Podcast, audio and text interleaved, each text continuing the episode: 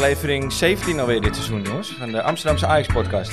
Goedenavond Dennis. Goedenavond, Steve.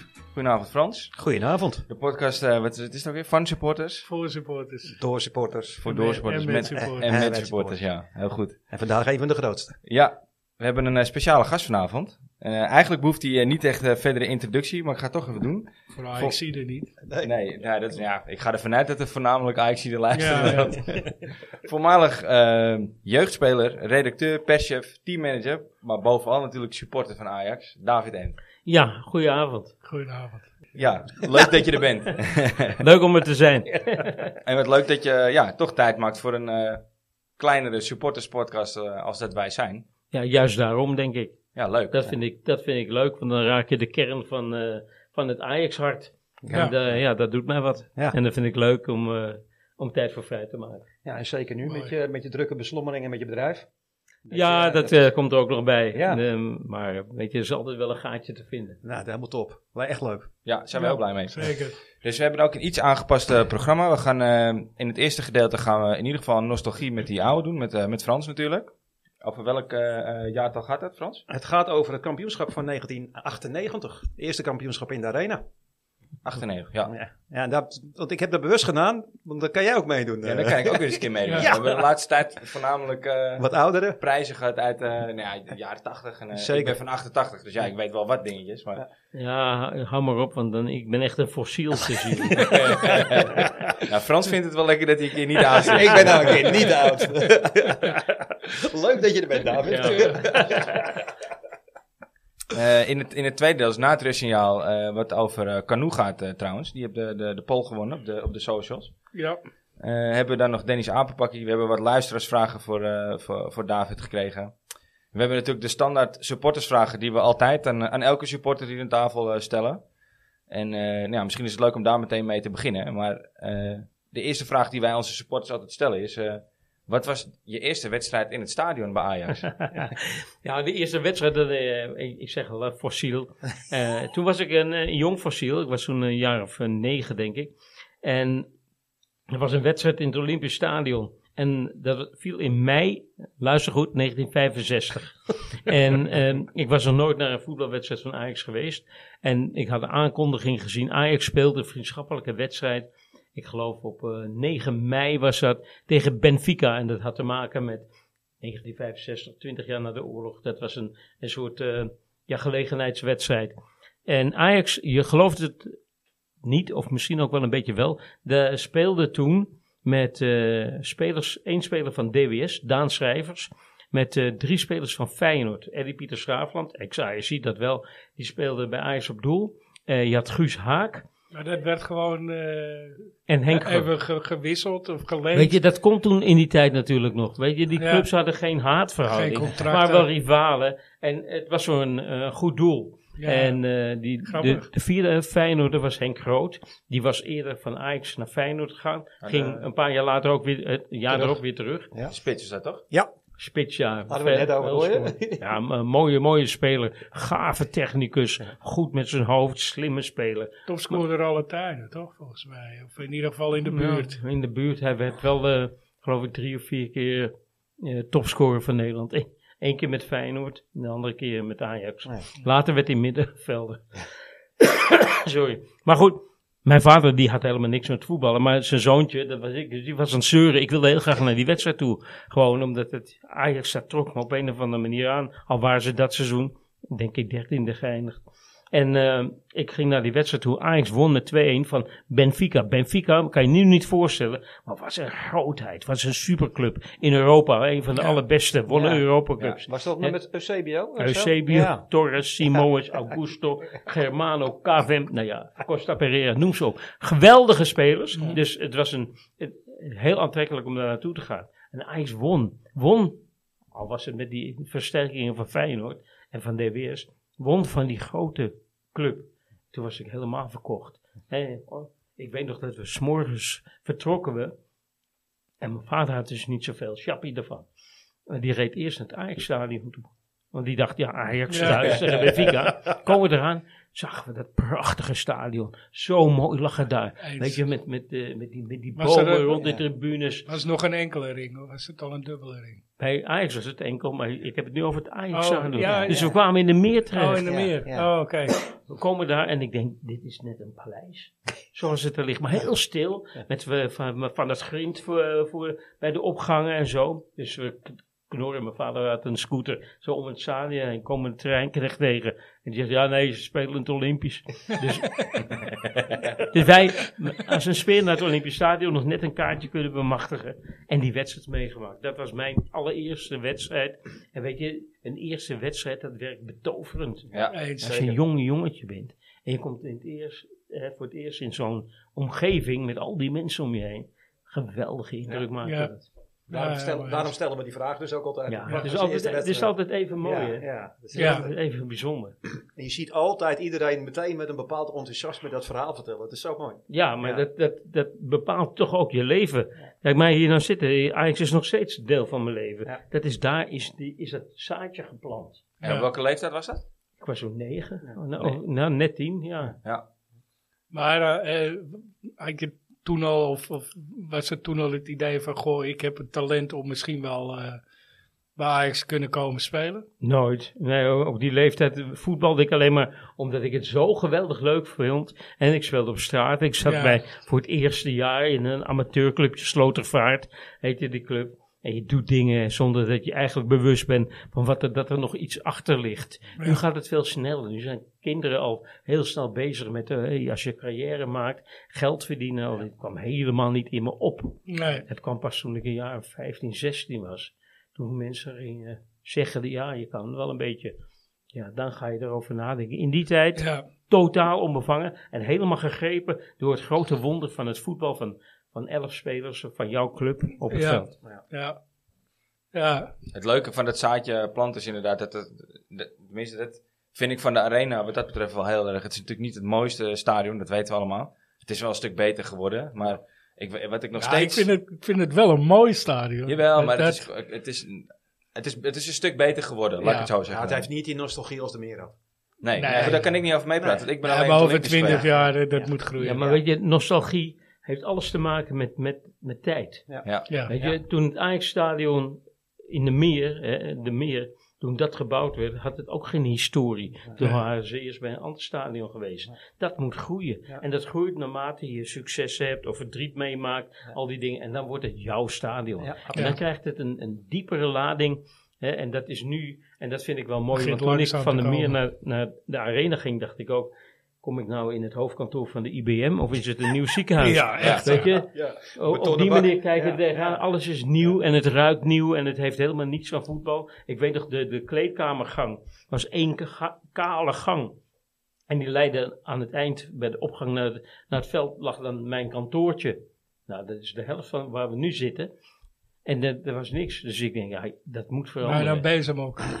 Hè? Ja, een soort, een bezemhok, zo- een ja. soort bezemhok was dat. En dacht, ik moet hier wel, alles van voetbal moet hier, als je hier binnenkomt, in mijn kamer in elk geval, moet het, Ja, moet het voetbal als hier woont koning voetbal. Voetbal. Dus ik, ik eh, had allemaal relieken en eh, dingen, die hing ik daarop. Maar de rest, dat, dat was één kale bedoeling. En als- Ja. dat is natuurlijk ook veranderd met de loop der jaren. Het gaat leven. En zodra er leven in komt, komt er een ziel in. En nu heeft het sta- stadion eindelijk een ziel. Ja, Net sinds een jaar of... Ik, ik, ik vind een breekpunt vind ik 2011. Weet je de derde ster. De derde. Ja. ja. Ja, Weet Ja, je, met eh Siem de Jong die eh, Ja. tegen Twente... eh, ja. twee keer. toen hing er ook echt een magische sfeer in het stadion Ja. voor het. En eerst. zulke Ja. dingen heeft een stadion nodig om, om meer te zijn dan alleen maar een huis. Ja, Ja. Het moet een thuis worden. En nu is het echt veel meer een ja thuis. klopt. Ja. Ik denk dat, wat, wat, ik was erop tegen, maar wat wel geholpen heb, is dat 14 eh, eh, naar Zuid is verhuisd. Ook dat, ook dat heb eh, wel mee, voor de, voor de supporters Ja. wel eh Het zijn, het zijn allemaal bouwstenen Ja. om dat gevoel gestalte te krijgen. Ja, In het begin denken mensen, vooral de mensen die een stadion maken, weet je, dat zijn architecten. Dat zijn mensen van de overheid. Die hebben niet, die hebben geen idee van wat voetbal betekent voor Nee. mensen. Wat het werkelijk is. Dus die bouwen iets en die denken, dit is praktisch, dit is praktisch. Maar je moet ook in gevoel kunnen denken. ja. En dat gevoel, ja, dat is ook haast niet te verplaatsen of, eh, of aan Nee, te brengen. nee, dat, dat, moet je dus groeien. Ja. Ja, zeker. Ja. Ja, dat is zeker waar. De eerste keer dat ik vorig jaar eh, het zoontje van mijn vriendin meenam, die is nu eh, negen ook. Die, eh, eh, die eerste keer dat hij door dat gat, zeg maar, eh, liep, Het stadion blik op het toen veld. zei ik op een gegeven moment ook, en dat bedacht ik toen ik de trap op ging. Het zei ik tegen mijn vriendin, ik zeg, wacht even, ik wil vooruit lopen, want ik wil zijn gezicht zien als hij, ja. als hij door dat gat heen komt, zeg maar. En dat hij eigenlijk het stadion betreedt. En die, dat zal ik echt nooit vergeten. Dat, dat, de- die Nee. uitdrukking op zijn gezicht, zeg maar. Had ik bij mijn nichtje ook, ja. Maar hoe, hoe mooi is dat, hè? Want dat, is, dat geldt voor ons stadion. Maar dat geldt eigenlijk voor alle stadions in de wereld. Waar jonge kinderen, jongetjes of meisjes, wanneer die eh, binnenkomen en het wordt inzien, dan raken ze betoverd. Sommigen zijn heel erg onder de indruk, anderen worden opgetogen. Maar dat is gewoon een mondiaal gegeven. Hoe mooi is Ja, al, al dat, dat buiten. zoiets kan. Weet, met mijn, mijn, met mijn nichtje wat begon het al buiten. Dan loop je vanaf, ik was met de auto, loop je vanaf P2, stond ik volgens mij. eh, liep ik eh, naar het stadion, in, ja. die drukte, Ja. hè, die, dat vond ze, en dan dat nasale stadion, dat, dat, Dat ze was zo onder indruk, dat was, eh, dat, en dan binnen helemaal. Zo hadden we nog een rij drie ook. Het enige wat ze niet leuk vond, is dat we een Scheldon, eh dat zat ik op Noord. En ik denk toch even iets rustiger, ze was volgens mij vijf of zes. En eh, ja, er zat een scheldende man achter ons, maar die zat echt met, constant met eh Ja, het K-woord. ja. Dus op een gegeven moment had ik er ook genoeg van. Ik, eh, kijk, dat dat op F gebeurt, prima, weet je. Dat, dat weet je nou helemaal. Maar en op een gegeven moment ben ik ook, eh, ik zeg, hé, luister. Kijk, hier zit een kind van vijf, daar zit een kind van zes, daar zit een kind van negen. Doe even normaal. Ja. En toen gingen die er tegenin en toen zeiden zijn vrienden van, nee, nee, ga jij maar gewoon ergens anders zitten. Ja, ja. Dus toen is hij weggestuurd. Nou, dat, dat was ik helemaal de held. Hè, want eh ome Steve, eh, Ja. die heeft die man weggestuurd. Ja, ja. ja. Ja, ik, precies hetzelfde. Ik had ook met, met Jim, ik was met mijn zoon, mijn zoon Jim. Die eh, was ik al een paar keer op, de andere, op een andere tribune geweest. Maar dat ik voor het eerst op Zuid was. En dat hij zijn eerste wedstrijd op Zuid meekreeg. Nou, ook die indruk. En dan Ja. ook natuurlijk met alle zangkoren en alle jointjes en alles wat er gerookt werd, jongen. Hij vond het helemaal fantastisch. Ja. Zo mooi. ja, maar die was ouder, hè? Nee, ja, op F nou ja, was hij 12. 12. Ja. Ja, Want daarvoor was hij al een keer op het andere vak geweest. Maar eh, op F, ja. ja 12. Ja, moet ah, kunnen. dat is ook super superleuk. Dat eh, ja, was een mooie indruk. Ja, dat, eh, wat je zegt, ja, kinderen. Ja, komen dit is komen mooi opeens in een heel andere wereld. Ja, ja, En daar hebben ze dus waarschijnlijk wel een beetje over gefantaseerd hoe het zou zijn. Maar dan kom je met het echte in aanraking en dan raakt het je helemaal van binnen. ja. En dan eh, is maar te hopen dat er ook nog een positieve draai in zit. Hoewel winnen of verliezen maakt, Maakt op het- dat nee. moment Nee. eigenlijk niet uit. Nee. Gaat Nee, om die wat- totaalervaring van het evenement. Jij, jij zegt, ja, mijn vader had niks met voetbal. Mijn vader ook niet. Ik ben ook meegenomen door mijn buurman. Ik was gek van voetbal van aan al. Maar uiteindelijk is het mijn buurman die me mee heeft genomen. Die zei, ja, deze jongen moet je, dat, dat neem jij maar mee. Ja, dat deed hij ook. Dus eh, vanaf dat moment, eh, Daar is jouw zaadje hetzelfde geplant. verhaal. Ja, Ja, mijn zoon die vraagt elke keer weer, pap, gaat er iemand niet? Wil ik mee hoor. Elke Ja. wedstrijd weer. Ja. Nee, nee, Steve heeft de kaart. Ja. die jongens van de APO het eerst. Die hebben voorrang tegenwoordig. ja, die hebben... eh, Hey, eh, Ajax-Sparta, jongens. Eh, ik heb voor het eerst wel weer eh, een, een, een eerste helft gezien met goede, goede dingen. Laat Echt, ja, ja. Leuke combinaties, snelle combinaties. mooie goal. Ik vond het een hele goede, hele goede eerste helft. Ik dacht echt, hè, hè, ik begin eh Ajax te herkennen. Ja. En die eerste goal, lekker snel. En een goede goal. Ja, ja, Ja. Je, je, je scoort te weinig. Je beloont jezelf weer niet, maar eh Maar het is leuk om te zien. Het hoort een beetje bij de, de gunfactor die we hebben verbonden aan eh, Johnny van Schippen. Ja, ook. Ja. Dat je denkt, ja nee, dat moet kunnen. En dan zie je het gebeuren. En ja, dan gaat je hart weer open. En dan denk je, Ja. ja, zie je wel. Het, zit, het zit er wel in. En dan Ja. is het jammer dat het niet wordt voortgezet. Want ik vond Sparta ook wel goed spelen. Speelde ook gedurfd. Hè? Zeker. En eh, hebben best wel een paar aardige spelers. En hebben een goede spelopvatting met elkaar. Vond die Eh, linksback goed van hen. Ja, maar, Goeie speler. Ja, er zijn- en er zijn er meerdere bij Ja. Sparta die echt wel wat kunnen. Een aantal seizoenen eigenlijk al, hè. Ik bedoel, wat dat betreft... Ja. eh, eh, Compliment aan Sparta. ja. Ja. Wie was er vorig jaar ook alweer trainer? Ja, Ja. kan niet. Satelliet, satellietclub. Wie was er vorig jaar ook alweer trainer daar? Ja. Het is toch de club van Rotterdam. Met wie ze ook weer de samenwerking? Ja. Nee, Maar het, is, wel het, is wel, het is niet meer het Sparta van een paar jaar, die op de heen en weer zit, eh, van een paar jaar geleden. Nee, het is een beetje een stabiele Ja, subtop. het is gewoon echt een top 10 eh, eh, club al een tijdje nu. Eh. Ja, maar wel jammer dat Ajax het dus niet verder kan eh, concretiseren. dat, eh, dat het toch mankeert aan het, eh, aan het echte afmaken. Ja. Ja, Waardoor je in de tweede helft misschien nog wat makkelijker kunt spelen. ja. Ja. Want in die tweede helft heb je toch al eh, zo'n heel stil, gemeen gevoel. Van het kan, het zal Het toch eens 2-2 kunnen worden. Ja, Ja. ja. Ja, het, wat ik zeg, je scoort er te weinig de eerste helft. En eh, je maakt de- de- dan die penalty krijg je mee. Het was wel een penalty, Ja, maar, eh, maar- ik vond hem ook wel... eh, Ze hebben ook wel eens niet gegeven. Ja, ja, hem ook ja, niet slim, ja. slim gezocht misschien Ja. door Brobbey. Maar eh, als, je dan, als je dan aan het begin van de tweede helft gewoon die derde maakt, Is er ja, dan de is het klaar. Ja, maar die Dat- Liensen dat doe had je er- weer niet. Bergwijn had er ook wel twee mogen maken. Ja, Ja, Ja. Die kopbal was... Liens, ma- Liens had gewoon pech dat die man ervoor. Ja. Vond ik trouwens weer heel erg goed spelen. Ja. De eerste helft. Ja, dat is een Ik vind hem-? Lekker- ja, ik vind ja, hem ook. Ik, vind hem, ik zag hem de tweede helft zien hem ook gewoon wijzen. Hij begint nu eh, hè, de, de leiding te gaan nemen. Ja.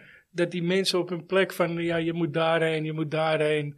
eh, je moet naar die spelen. Dat ik hem gewoon zie wijzen. Dat ik denk, ja, ja, ja maak stappen. Ja. Ja, we kunnen het, Eh, we, Zeker een lichtpunt. Ja, ik ben groot fan hoor. we kunnen het vragen aan David. Kijk, er zijn mensen die maken de vergelijking met Jari al. Dus dat is natuurlijk wel heel vroeg. Maar jij hebt natuurlijk van dichtbij met Jari gewerkt. Volgens mij is dat Ja. een goede vriend van je. Ook dat dat, dat maar heb je de- voor, in, voor een andere podcast geroepen. We zijn nog steeds eh, heel dik bevriend. Ja. En eh, we zouden eigenlijk samen naar die wedstrijd gaan. Ik was niet helemaal lekker. En je hoort nog steeds. Ik heb een beetje last van mijn keel. Maar eh, de- ik ben dus niet gegaan. Maar weet je, Linson en, en Liedmanen. Ja, het is eigenlijk niet te doen om mensen met elkaar te Nee, het is vergelijken. gevaarlijk, hè? ja. En je wil het graag. En toen Jarry kwam, toen was hij ook nog een beetje bleu. Hè? Want hij, hij was wel zelfbewust voor zichzelf. Maar hij was zeker niet een, eh, net zoals Linson, eh, zag je er zeer bescheiden uit. Ja, En had ook nog veel te leren. Maar hij was leergierig. En dat gevoel heb ik met Linson. Die heb ik natuurlijk wel de afgelopen drie jaar ook zien spelen in de jeugd, in eh, Jong Ajax.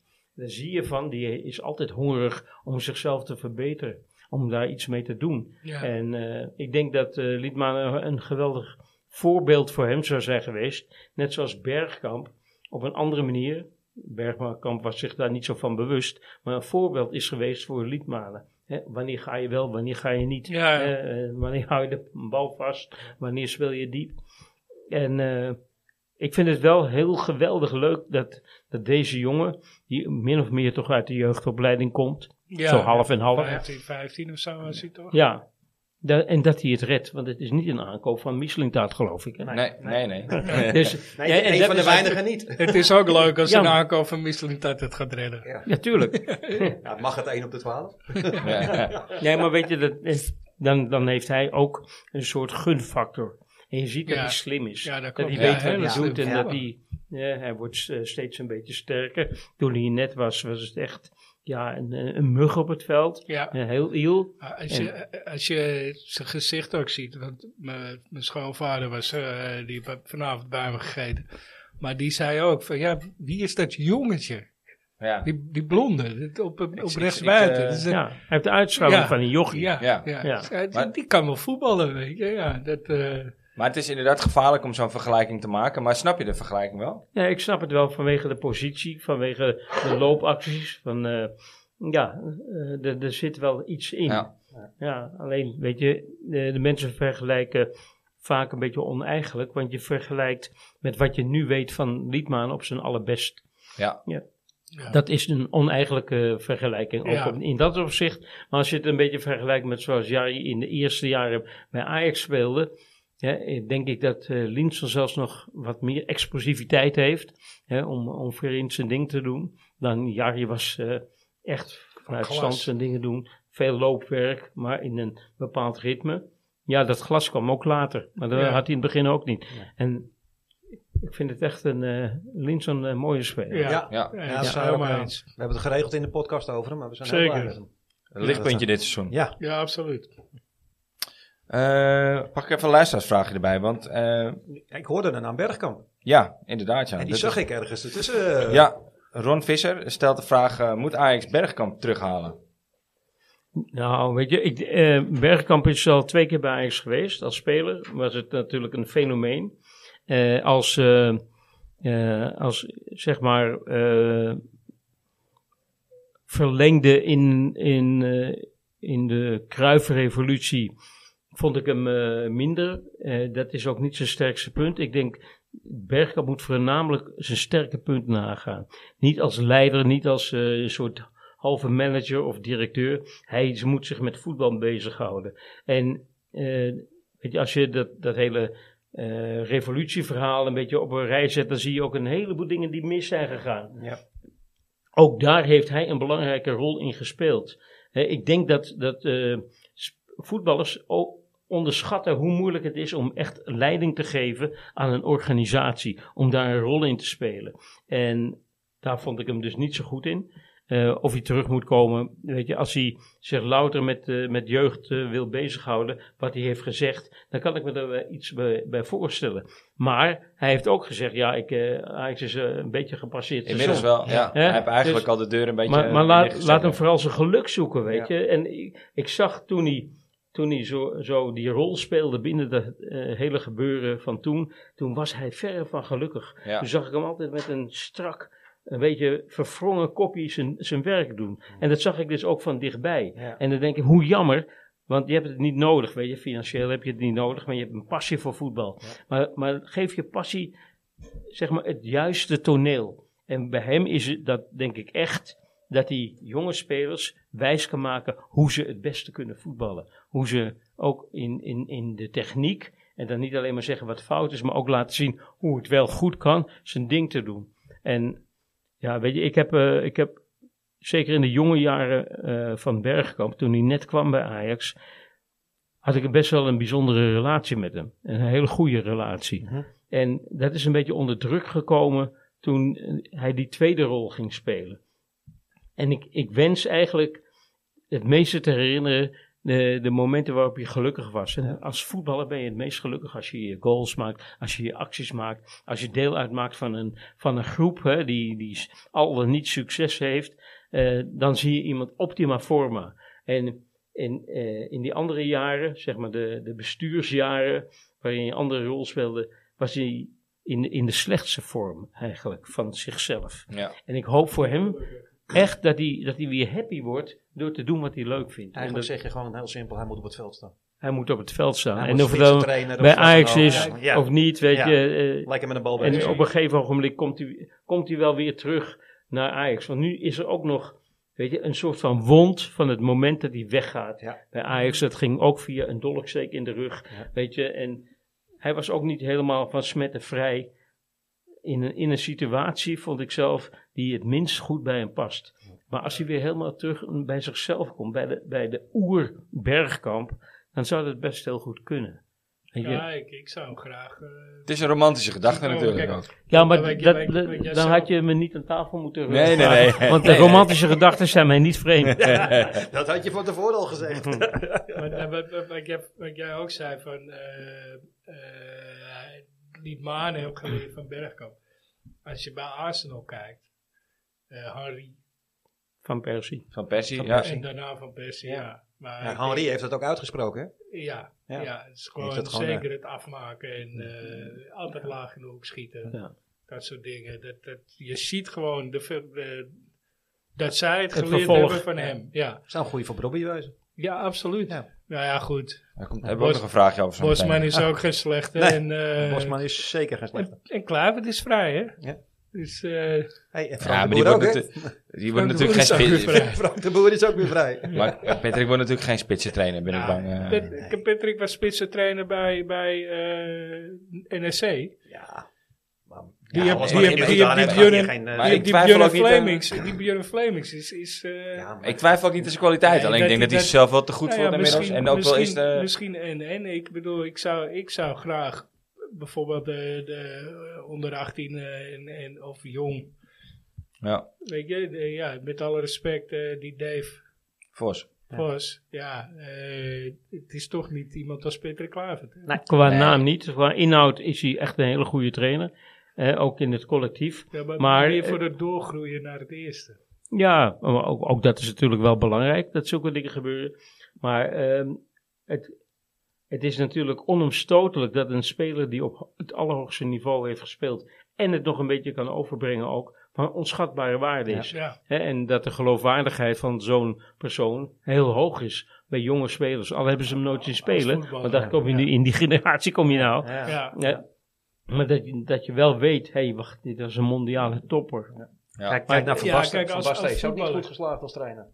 Nee, weet je, Ja. het, het, eh, het een sluit het andere niet Nee, uit. absoluut. En andersom is het ook Ja. waar. Weet je, het een betekent, het, hè, als je heel goed was, betekent niet dat je een goede docent bent. Je Nee. moet het ook kunnen overbrengen. Je moet ook je rust bewaren. Je moet overzicht hebben. En zeker als trainer van een compleet team moet je meer een manager zijn nog Ja. dan die leermeester trainen. Ja. Het mooiste zou zijn wanneer die spelers met die grote carrières, die over het algemeen best gevuld zijn, hè, dat die niet zozeer trainer of coach zijn, maar leermeesters. Mensen die jonge spelers hè, vanaf hun achtste, negende jaar Ja, de vallen kneepjes van het vak bijbrengen. Ja.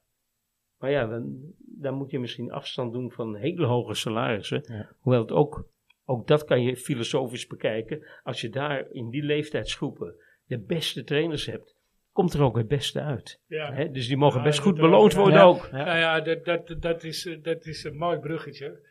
Wat ik, Oh. wat ik eh, voor de uitzending al, al eh, aanhaalde. Dat, dat wij Pascal Heij hier hebben gehad. En dat die eh, vertelde van, nou ja, achteraf, als ik het achteraf bekijk. Dat, volgens mij heb je het ook in de uitzending gezegd hoor. Zeker, ja.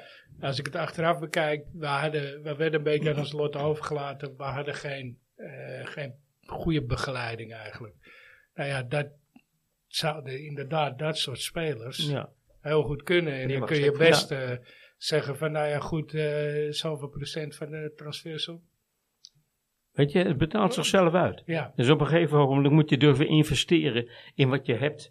En Ja. je kan wel helemaal eh, exotische eh, planten planten in je tuin. Maar je moet ze wel water geven. Ja. Want anders gaan ze net zo goed dood.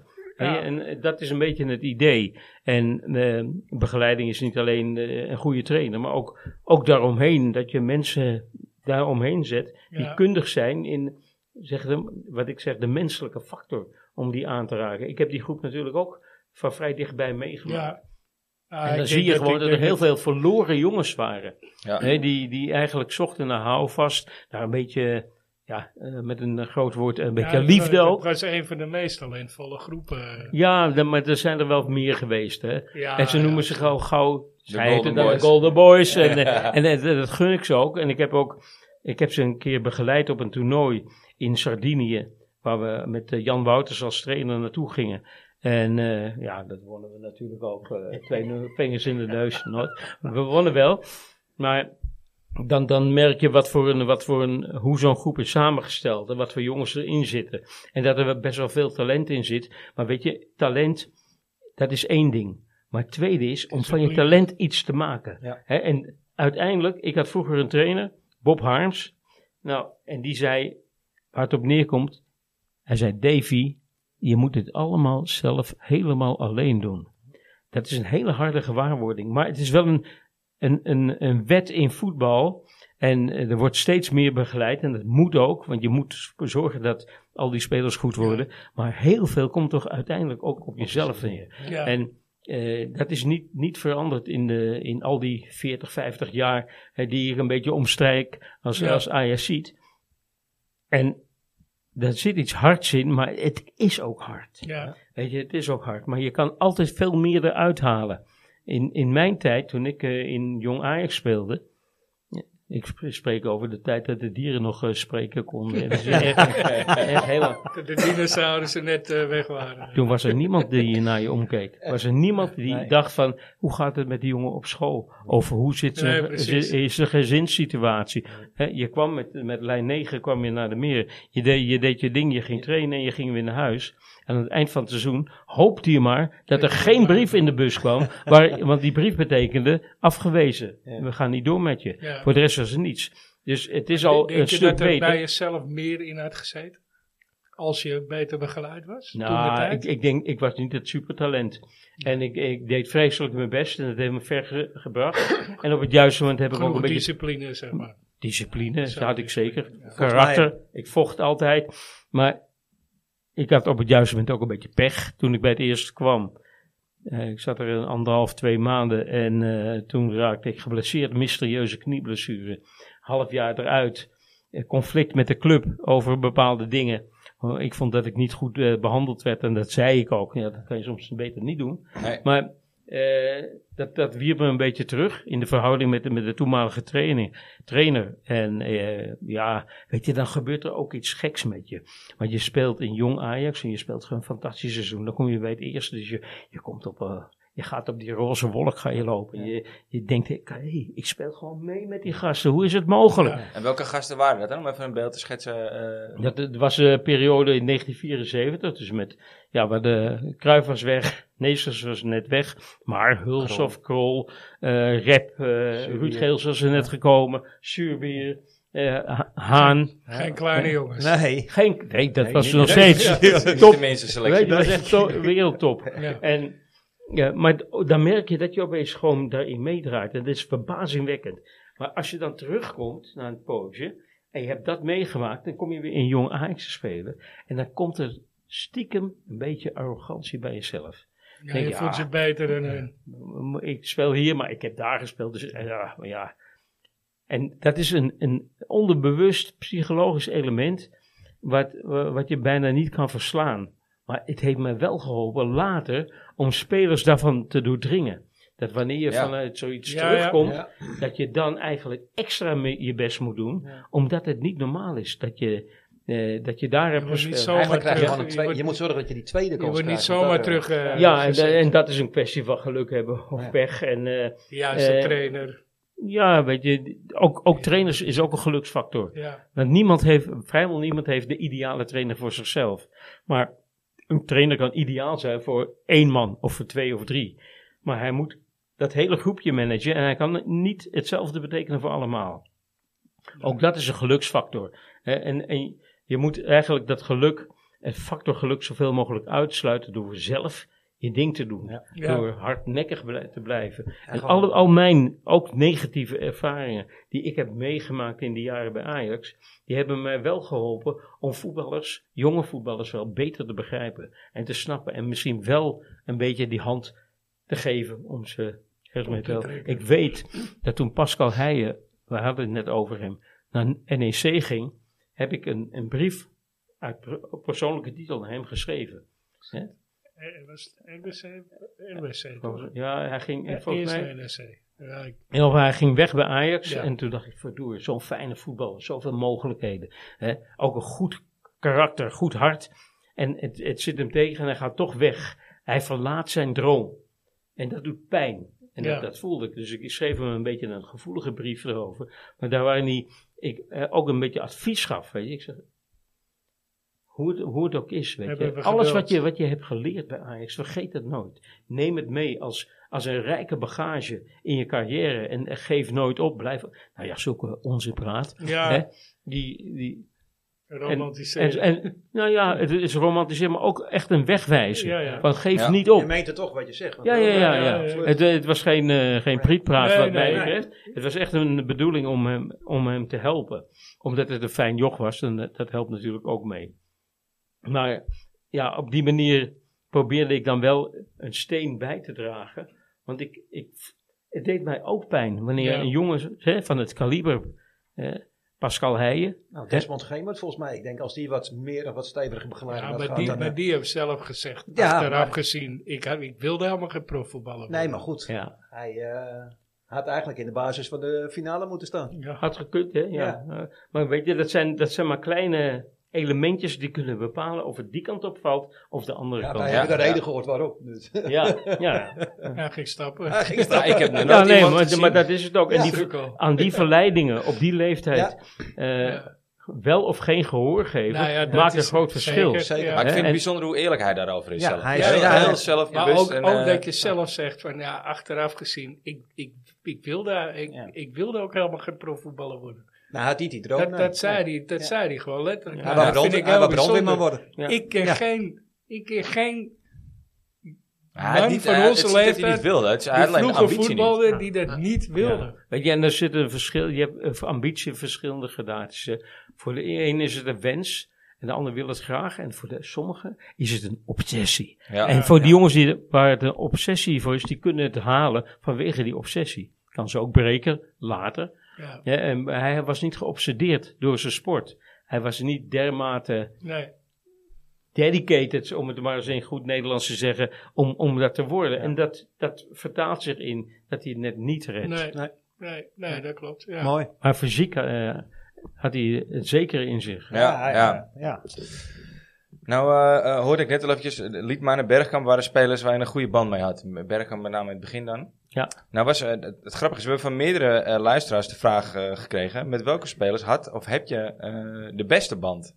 Of kan je er een paar noemen waar je gewoon een hele goede band mee had? Ja, weet je, je bent, je bent voor, in mijn positie, zeker als teammanager, maar ook daarvoor toen ik ook een rol speelde bij het team, heb je altijd het idee van je wil er voor iedereen zijn. Je hebt niet, en dat is heel menselijk, niet met iedereen dezelfde relatie Nee, kan niet. je hebben. eh, en met sommigen gaat dat vanzelf. Met Liedmanen was het na drie dagen was het al duidelijk. En eh, dat, dat we elkaar goed lagen. Eh, het, het, veel komt van, vanuit jezelf, hoe je je openstelt. Hè, dat je laat zien, ik ben, ik ben te vertrouwen, dat hoop je dan, hè, dat je van jezelf. Ja, ja. En, en als er iets is, kom naar me toe. En de ene heeft er meer moeite mee om daar gehoor aan te geven of niet. De andere komen vanzelf naar je toe. En de andere eh, moet je een beetje duwen. Dat moet je ook aanvoelen. Ja, ja met, met Liedman heb je wel een, eh, een van de ultieme boys te pakken. Maar ik had het ook met Daily Blind bijvoorbeeld. Ja. Hè, daar daar had ik ook een Ja, geweldige maar die ken je band mee. natuurlijk ook vanaf Die ken eh, ik al vanaf, ja, weet je, vanaf zijn achtste, achtste jaar. Ik kende zijn vader, de familie en al die dingen. Dat helpt dan een beetje erbij. Maar ook met buitenlands en Rosales was er ook zo. En dan had ik ook meteen Kivu. Kivu. Ja, ja, weet je, ja, je noemt ze nou op. En eh, ja. dan denk ik, ja, en dan gaat er liggen bij me, want dat was ook zo. Ja. En met Kivu heb ik gisteren nog contact gehad, weet je. We spreken elkaar af en toe en Ja. even weten hoe het met elkaar gaat. En dat sommige dingen blijven. Het gaat Is- hem heel is hij goed. nog actief in eh Ja, hij is, eh, hij is trainer van het, zeg maar, het onder 21 elftal van Inter. Nu Ja. al voor het vijfde jaar. Daarvoor was hij eh, trainer bij de B-junior. Dus hij zit wel helemaal ingebed in die club. Maar ik weet dat hij, dat hij een grote ambitie heeft om het trainersvak echt in te gaan. Leuk. Ja, hij was... eh, nou, met eh Kivu ook, eh, weet je, en dat geldt... Hoe meer ik nadenk over wat er allemaal is gebeurd, David hoe meer er bij je opkomt van wat heb, er je, al... heb je nog contact met Dave Klaassen? Want die Ja. speelt natuurlijk ook bij Inter. Ja, nee, tenminste, geen contact mee gehad. Weet je, we kennen elkaar redelijk goed, maar ik heb hem nooit echt als speler bij me gehad. Nee, nee, dat was na die tijd. Jan Vertongen is er ook zo eentje. Ook een spe- hele speciale band mee. Eh, ja, de, de- hoe Lijkt de, een super aardige vent. ja, maar kan ook wel eens moeilijk zijn en ook wel eens hard eh, niet, voor zijn omgeving, voor zichzelf. Maar is in wezen een, een goed mens. ja. Hè, dat is mooi. En dat is, eh, Ja, Ja, hij heeft wat met ongedierte. Ja. Hij het schrijft een liedje daarover te zingen. ik haal, dadelijk haal ik die microfoon Nou, bij je weg. Eerlijk, eerlijk. hij, eh, hij heeft natuurlijk wel vorige week eh, dat er wat gebeurde tussen, eh, wat was het, Anderlecht en Standaard, Geen idee. Club Brugge. Ja, hij heeft wat gezegd over, eh, hè, moeten, moeten we er Nederland achterna hier? Ja. Als we niet uitkijken, gaan Ja. we Nederland. En Ja. daar heb ik dus... Nou In dat opzicht is hij wel eh, veranderd. Ja. En eh, kijkt Ja, hij er dat- nu wel anders tegenaan dan wat hij toen Ja. Als naarmate als je ouder wordt, vinden, maar- naarmate dat je ouder wordt, word je verstandiger, hè? Maar sommige Ja, wel. nou ja, eh, ik, hoop dat, ik, ik hoop dat je nog heel veel ouder gaat worden dan Frans, want eh, het schiet niet op, hè. Ik had ook een Hele hele, jongens, dat komt heel, heel natuurlijke band met, eh was ook heel bijzonder, met Klaas-Jan Huntelaar. En dat kwam eigenlijk door een wedstrijd die je speelde toen hij nog bij Heerenveen speelde tegen ons. Hij zou naar Ajax gaan. Dat was in de winter, sneeuw, sneeuwjachten, Heerenveen-Ajax. En iedereen wist, hij ging naar Ajax toe, Ja. eh, einde van de, van de winter, of nee, begin van de winterstop. En hij speelde tegen ons. En hij speelde de sterren van de hemel. Ja. kan me nog hij- heel goed herinneren. Hij maakte ja. drie goals, geloof Ja. ik, voor, was eh, volgens mij een doordeweekse avondwedstrijd. door de weekse avond, ja. Guur weer, Ja. sneeuwvle- sneeuwjacht en al die dingen. En hij gaf alles aan ze. Ja. Dat- weet je, dat, dat zijn de, de echte. Die voor hun club, waar ze dan spelen, Ja, alles eraan doen om Ja. te winnen. Ja. Hè? En eh, weet, ik ga naar Ajax toe. En misschien heeft Ajax die punten ooit nodig. Nee, ik laat zien dat ik uit het goede sporthout gesneden ben. Ja. En toen dacht ik, wat een kerel is dit. Ja. ja. Dat, je, dat je dat kan opbrengen. En eigenlijk vanaf moment één zaten we naast elkaar in de bus. Weet je, op weg naar uitwedstrijden. Altijd een babbeltje over allerlei gekke dingen. En, Volgens en- mij is en het nog ook steeds wel is dat. eh, de cloud. In zoverre, volgens mij heb je ontzettend veel humor. Hij heeft eh, Als wel er een grap humor. gemaakt kan worden, dan laat hij Ja. hem niet liggen. Zeg maar. Nee, dat, dat is wel zo. Maar hij is ook waanzinnig ambitieus en gedreven. dat geloof ik zeker. Ja. En eh, hij, hij kan ook wel nukkig zijn, weet je. Hij heeft ook wel eens problemen gehad met, met, met trainers. Of en, een eh, jongen uit de Achterhoek. Ja, ja, maar recht door zee. Weet je, en, en dat vond ik wel mooi. Nou, dat de- past bij Ajax. Ja, nou, ja, je, je, je, Ja, past je hebt sommige ook, ja, hij paste goed bij Ajax. Ja. Ook omdat hij graag bij Ajax wilde spelen. Weet je, dat was ook een beetje een, een jongensdroom van hem om in dat shirt te voetballen. Ondanks en dat, hij eh, een omweg via Eindhoven had Ja, genomen. maar ja, weet je, iedereen eh, glijdt wel eens ja, weg. ja, ja, ja. Ja, er is er Ja, nog, nee, er is er ja, nog, als de kans zich voordoet, Ja. dan snap Er ik dat je hem neemt op die leeftijd. er is er nog steeds één. Weet je, pissig dat hij nooit bij ons heeft gevoetbald. En die Ja, zeikt ons elke ja. keer nog af. Ja, dat doet nog steeds pijn. Ja, Elke maandag bij Rondo. Oh, ja, nou, ja, ja. De meeste van die jongens zijn allemaal, weet je, het zijn allemaal jongetjes geweest. Ja. En eh, de gasten die je dat eh, het minst vergeten, die zijn het beste eigenlijk. Die weten wat het is. Ja. En met Liedman heb ik een keer ook op, op de F-site gestaan. Dat is mooi. Hè, omdat, Ja. hij, omdat hij dat... En we werden, eerst was hij was... eh, Kan ik me nog herinneren. hij was ja. geschorst, geloof ik. Of geblesseerd, hè, dan. Hij was wel eens geblesseerd. En toen ze- zeiden, ze bij Ajax, ja, nee, maar als je dan toch tussen die supporters, ga dan op vak M. Ik dacht, ah, fuck, vak Met M, met je, een beetje. ling, ling vak, weet je. De- allemaal leuk en aardig, maar dat is niet het echt. Dus we gingen de eerste helft gingen we naar vak M. En zaten daar, we hadden twee van die eh, begeleiders eh, bij ons. En zeiden nou, wij de Rus zeiden, we gaan toch naar vak F. Ja. Dus we kwamen daar. we, we kan ons wat schelen. We gaan, want ze waren bang dat die misschien. eh, Nee, maar Weet ik weet ik en ik dacht, weet je, die ja. angst hoef je niet te Ja, hebben. ja. Weet je, want die, die Tuurlijk supporters waren niet. ook helemaal voor hem. Ja. En Ja, dat was geweldig om, daar om daar met z'n tweeën te staan. We hebben van die verdere tweede helft eigenlijk niks gezien. Alleen maar babbelen en eh, Oh, lachen en eh, gekkigheid, eh, gekkigheid ja, op de tribune. Ja. Op een andere manier. Ja. En Ja. ja, dat, dat, dat tekende hem ook. ook wel. Ja. Heiting gaat er ook gestaan. Hè. En, eh, Ja. Het heeft Ja, een ik, heb, ik heb ook wel eens na, naast Maaike van Praag gezeten eh, in de arena. Ja. Op, op F. Oké. Dat, eh, Nou, toen je ik- gezeten hebben, toch? Ja, ik, ik, ik, Toen nog begon, wel, denk ik. ik begon met, met staan en Ja? ik, ik schreeuwde op een gegeven moment wat. En toen vroeg je daarna heel rustig aan me, vind je dat nou normaal? Ja, sorry. Het zijn, eh, God, dat vind ik een rare vraag bij jou. Echt. Klopt eruit. Ja, maar weet mooi. je, dat is zo. Wij mooi hoe, hoe, die, hoe die dat vroeg aan. Ja. Gewoon zo rustig. Jij bent Ja, vanzelf dus. Nee, het geeft niet. en wij hadden het voor de uitzending even erover. Dat wanneer je, en, en, en zeker bij leiders, directie, bestuursleden van clubs, zie je heel weinig dat mensen het echt snappen wat het is om supporter te zijn. Kijk, ik heb vroeger stond ik op, op vak F en G, dat het nog geen F-site was. Maar je maakt het wel mee. Ja, weet je, Stevie heeft, eh, heeft, heeft er andere tijden meegemaakt. maar dat doet iets met je. Als je in zo'n omgeving bent, Zeker. dan, dan, dan stap je meegezogen. soms wel eens buiten jezelf ook. In je reacties, in hoe je het beleeft. En dat kunnen mensen die aan de leiding zijn, kunnen zich gewoon niet voorstellen, omdat ze dat nooit hebben ervaren. Ze weten het niet. En natuurlijk kan je niet eh, goed praten wanneer er hele slechte dingen gebeuren. Moet ook niet, weet je, als er criminele dingen gebeuren. Absoluut niet. Nee.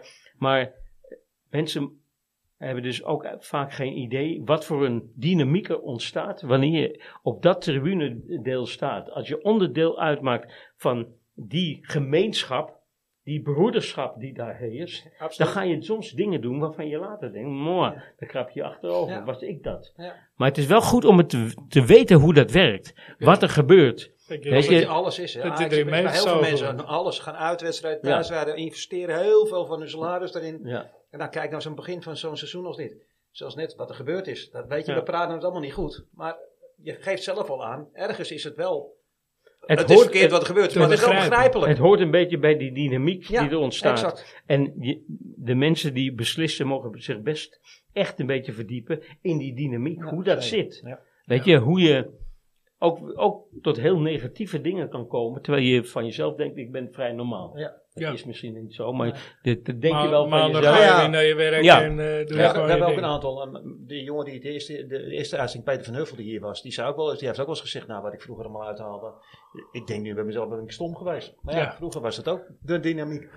Nu Was ook denk ik, als iemand dit doet, wat een begal. Ja, Ja, weet je, en, dat. je kan Ja. er me misschien op aanspreken of wat dan ook. Maar het, het, het is onlosmakelijk verbonden aan die broederschap, aan het, aan het gevoel van, eh, van samen ergens achter staan en voor staan. Ja. Dat je ook jezelf wel eens eh, overstijgt, weet je, of, of misschien naar beneden valt. Dat, dat je dingen doet waarvan je denkt, Nee. niet oké. Nee. Maar door, door het echt te begrijpen kunnen mensen misschien veel makkelijker supportersgroepen raken. Hè, door het te begrijpen en van Ja. daaruit een, een andere dynamiek op gang te brengen. In plaats van alleen maar te zeggen, ja, boos zijn, vingertje wijzen en al die dingen. Dat, dat werkt averechts. Ja, Ja. Ik denk dat Michael van Praag daar wel goed in is. Ja, dat, eh, ja, ja, jij dat hebt wel een bepaalde uitstraling. Die heeft een bepaalde uitstraling, die heeft een. En die bepaalde ook rust. vaker gezeten. En die heeft natuurlijk Ja. ook, ook al Ja. een paar keer, die heeft natuurlijk al wel een Ajax verleden. Ja, maar dat zijn er dus maar enkele. Ja, ja. zeker. Als je Ja. kijkt naar de voetbalwereld, zijn maar enkele die zich daarin kunnen verplaatsen. Een beetje, want soms kan je je niet verplaatsen in gekte. Nee. Maar je kan wel een beetje snappen van hoe het werkt. Ja. Hij Hey, is eh, trouwens binnen, hè? Ja, hij is binnen, maar eh, Het Russiaal. ik, zie, Ja. ik, zie, ik zie dat we er eigenlijk al zitten, maar we moesten ook nog een eh, nostalgie met die oude doen. Ja, ik, ik denk dat we het eventjes om moeten draaien. Dus dat we eh, nu eerst eventjes naar het Russiaal gaan luisteren over Canoe. Dat we daarna eh, het item van Frans pakken en daarna meteen doorstappen met uh, eh, met Danny. item. Ja, helemaal goed. Als ik een anekdote moet vragen over eh Canoe. Is er dan iets wat er in je opkomt, David? Hij begint al te lachen. Ik, heb er, ik heb er wel een, dat is, ik ben heel blij. Dat is mijn anekdote van Canoe. Nee, weet je, ja, het was zelfs iets anders, denk ik. Was dat op het podium van het Museumplein? Ja, bij de, nee, bij de meer. oh, met de meer. Dat, eh, dat het de huldiging bij de meer was, dat jaar. was hij dat toen nog? Want Ja, de Meer hij was stond met 98. Fini, die, eh, 98, stond met Fini, die stond Volgens die, eh, mij was het op het Museumplein. Nee, nee, was 100% Ja. eh, bij eh, het oude Ja. Het meer was net gesloopt. Maar het, het verhaal was dat ze vroegen aan Venidi: Wat vind je hiervan? Ik ben heel blij. En toen zei ze: En jij? Ik ook. Ja, dat was. Ja. Ik ook. Ja, ja, ja. Ik om ook. even- Ja. Om even terug te komen dus op het rustsignaal. We hebben- Er zijn echt geweldig veel stemmen binnengekomen. Ja, er is, er is goed op gestemd op de Er is echt heel veel, in totaal bijna 300 man. Maar En weer een groot verschil tussen Facebook en Instagram. Dat is Ja. wel, grappig om te zien. als je ziet op Facebook. Nou, nee, niet helemaal. Want eh Canoe heeft, eh, nou ja, is, was eerst Op? Facebook en tweede op Insta. Maar eh, bijvoorbeeld een Hato, die kreeg op Facebook naam genoeg geen stemmen. Maar op, eh, op Instagram heel veel. Ja, dat is Ja. wat ik bedoel. Het Ja. ligt echt ver uit elkaar, Ja. die, die eh, Ja. resultaten. Maar uiteindelijk dus toch Canoe gewonnen met 87 stemmen van de ruim 300 stemmen die we gehad hebben. Dus echt fantastisch. Ja, Klaas, gefeliciteerd. Jij bent eh, de gelukkige winnaar van het goodiepakket. Klaas Klaas. Salvera. ja. Dus eh, bij deze, En hoeveel heeft Frenkie? Frankie. Die Oh, dat was jouw keuze. Ja, nee, daar ga ik niet op terugkomen.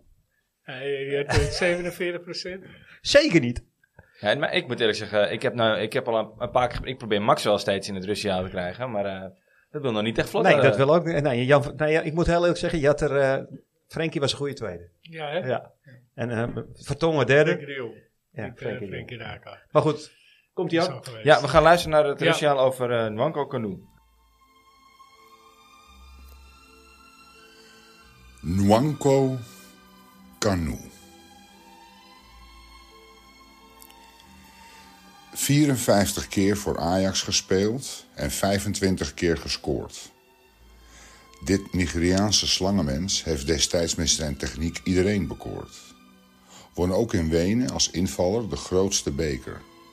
Ging daarna naar Inter, maar zijn hart bleek onzeker. Waarschijnlijk omdat hij toch voor altijd bij Ajax behoort. Punt. One love.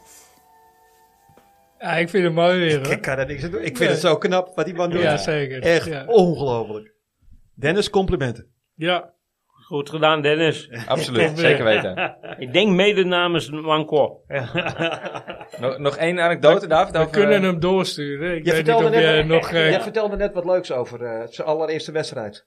Nou, het was een Was van de eerste, eerste grote wedstrijden. Ja. Nee, de, de- voor de competitie had hij wel gespeeld. Maar ik denk de eerste Europese wedstrijd. eh, en hij zou, eh, hij zou starten. En hij zit in de kleedkamer en hij is zichtbaar nerveus. En eh, hij zat altijd naast Frank Rijkaard. En, en Frankie zegt, Canoe, are you nervous? Ben je, ben je onzeker? Wat, ja, ja, voel, en Frank zegt, hoezo? Je bent de allerbeste. Niemand is beter dan jij. Jij hoeft helemaal niet eh, rustig te zijn.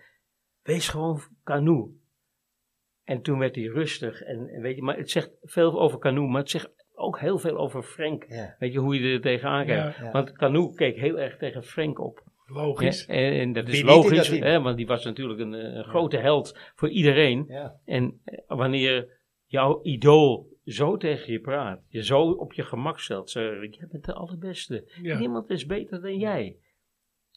Dat je, je zag me zo helemaal zo relaxed worden. En, eh, Zeg maar helemaal opfleuren meteen. eh. ja, een mooie, mooie En hoe speelde die? Ah, ja, weet je, als hij gewoon zijn talenten liet vloeien Ja, ja. over, over Gods akkers, dan kon niemand tegen hem op. Nee. Het was een bijzondere, bijzondere Zeker. type. En, eh, Met zo lang en zoveel Ik kan me nog een eh, actie herinneren tegen thuis. Ja, ja. ja hij, hij wint die bal op een of andere manier tussen twee mensen door. Ja. Jongen, nou, ik, ik, ik, kan er, ik heb nog nooit iemand dat zien doen. en de dingen Daarna die niet konden en niemand ver- eh, verwachtte op een gegeven ogenblik. En eh, ja, altijd een eh, fantastische gast, zeer, zeer bescheiden. En eh, hij, werd, eh, hij werd papi genoemd door eh, Finidi. Finidi en hij waren natuurlijk, omdat ze allebei Nigeriaan waren, een beetje tot elkaar veroordeeld en, en waren ook wel vrienden. Maar weet je, in, in de stammencultuur van Nigeria was eh, de stam van eh, van Finidi verheven boven de stam van Kanu. Dus Kanu was altijd heel nederig te- ten opzichte Oh. van, eh, Oké. van eh, Finidi. En wij vonden dat een beetje vreemd, weet je. Hij was Ja, wij erg kennen vol. dat soort- Nee. dat- wij kennen die verhoudingen niet zo op die manier. Maar, en dat moesten we later ook eh, begrijpen. Er was ook... kan, mag ik nog één ding... Ja, graag, joh, graag zelfs. Nee, ja, We zijn een en al oor. Onze, onze vriend eh, Louis van Gaal, die, eh, die beklaagde zich wel eens. Hè. Die zegt, ja, weet je, eh Canoe, kijk me aan als je met me spreekt. Weet je, dat is een vorm van respect. Sla je ogen niet neer, kijk niet weg. Kijk me aan als je met, met me spreekt. En ik hoorde dat zo en ik, eh, ik dacht erover na. En ik verdien me altijd een beetje in culturen. Dus ik zei op een gegeven moment, ah, Louis, als je hè, in, in zijn optiek, als je een je meester, je, je, je, Je meerdere je, li- je meerdere recht in de ogen kijkt, is dat een blijk van gebrek aan respect. Dus hij probeert, hij probeert het misschien wel, maar hij zit helemaal vol met, dit, ik ben nu respectloos, omdat ik die meneer recht in Ja, de ogen ja. kijk. En toen dacht uh, Louis ook, oh ja, misschien moet ik het iets anders bekijken. Ja. Een Ja. bijzonder, Ja. bijzonder mens. Was Louis dan wel ja. voor een reden vatbaar ook zo in dat soort... eh, eh, Zeker, ja? zeker, ja, ja. Hij, weet je, hij kon wel eens eh, in eerste reflex, kon hij eh, zeggen, "Eh, dit en dat. Maar hij dacht altijd over dingen na, wie het ook zei. Hij dacht er altijd over na. En dan, dan herzag hij zo zijn eigen mening wel eens. Soms ook niet. Dan zegt hij, nee, ik vind dat ik wel gelijk heb. Ja. Ja, en dan, ja, dat kan jij anders vinden. Maar ik vind dat niet. Vind, maar ik, je heel- kon, je vind kon- ik heel herkenbaar. Ja, dat heeft Steve nooit dat aan mij? Steve heeft dat nooit last van. Terwijl ik net zeg dat ik eh, de enige ben die geen fan is van hem. nee. Terwijl ik Ja. precies Nee, joh, hetzelfde in elkaar Maar dat is net zoals joh. Cruijff en eh, jij hebt best wel overeenkomsten met Louis. Ja, blijkbaar. Wordt er rood van. ja. We gaan naar de nostalgie, eh, Frans. ja, dat zal, want we lopen al erg uit volgens We mij. lopen inderdaad wel erg uit. Ja, dat vinden wij niet erg. Ik hoop dat David nog genoeg tijd heeft. Ja, dan moeten jullie snijden daar. Hey, ehm, ja, nostalgie met jou. Bewust gekozen voor 97, 98. Yes. Want Dan eh, kan Dennis ook een keer meedoen. Die kan ook een keer eh, goede antwo- vra- eh, vragen beantwoorden. De Benjamin. De Benjamin. Is hij nou een Benjamin? Wat was het ook alweer? Een vent? nou, maakt niet uit. We gaan daar niet op beginnen. Hey, De eh, mensen de aflevering vorige week maar even terugluisteren. Zo is dat. eh, 97, 98. Zoals jullie gewend zijn, altijd eerst een heel klein stukje geschiedenis. In 98 gebeurt natuurlijk, eh Ajax gaat naar de beurs. Dat was in 98. Slechte keus. Ja, nou ja, dat, daar zijn de meningen nog steeds over verdeeld, hoorden we net. In de Amsterdam Arena wint Real Madrid de Champions League van eh, Juventus. Ze winnen met 1-0. Dat, je- het was het jaar dat eh, Patrick Kluivert en Vincent Bogarde naar AC Milan vertrokken. Mark Overmars ging naar Arsenal. En onze topaankoop van toen, Ivan Gabric. Ja, echt een topaankoop. Ja, de, die ging naar Merida. Eh, we haalden wel wat mooie spelers weer binnen. Shota Arvelatse, komt van Trabans, Traba, Trabzon, Trabzonspor. Spoor, heel Ja, goed, ja. ja, dankjewel. Michael Laudrup, komt van Viso Kobe. Dien Goré van Groningen. Benny McCarthy. Spits komt van Ajax Cape Town. En Sunday, Sunday komt van FC Colon. Ole Tobiasen, Gerald Sibon. Heel goed voor jou, ja. Die waren er ook nog wel bij. Nou, kijk eens. Ook uit de jeugd waren er een paar. Die kregen een contract. Waaronder Tim de Cler en Richard Knopper kregen vanuit de jeugd een contract aangeboden. Maar eh, daar komt vraag 1. Welke huidige tv-ster kreeg toen ook vanuit de eigen jeugd een contract aangeboden? Maar eh, tv-ster als Op dit moment, of... eh, de, eh, eh, maken van Hij, wat je hij wil. komt op tv. Hij komt op tv en hij is wel een, ja. En, en dan, dan ben je meteen een ster, dan Ja. weet je het. ja. Dus vraag 1, hè? Hij Moet is je vooral een YouTube-ster. Ja, Ik nou kijk ja. heel eventjes naar de mensen buiten de ruimte. Danny, Jolanda, kunnen jullie het horen of niet? Ja? Oké, Oké. top. Schrijven mee. Eh, 1998 was ook onder andere het geboortejaar van Kylian Mbappé.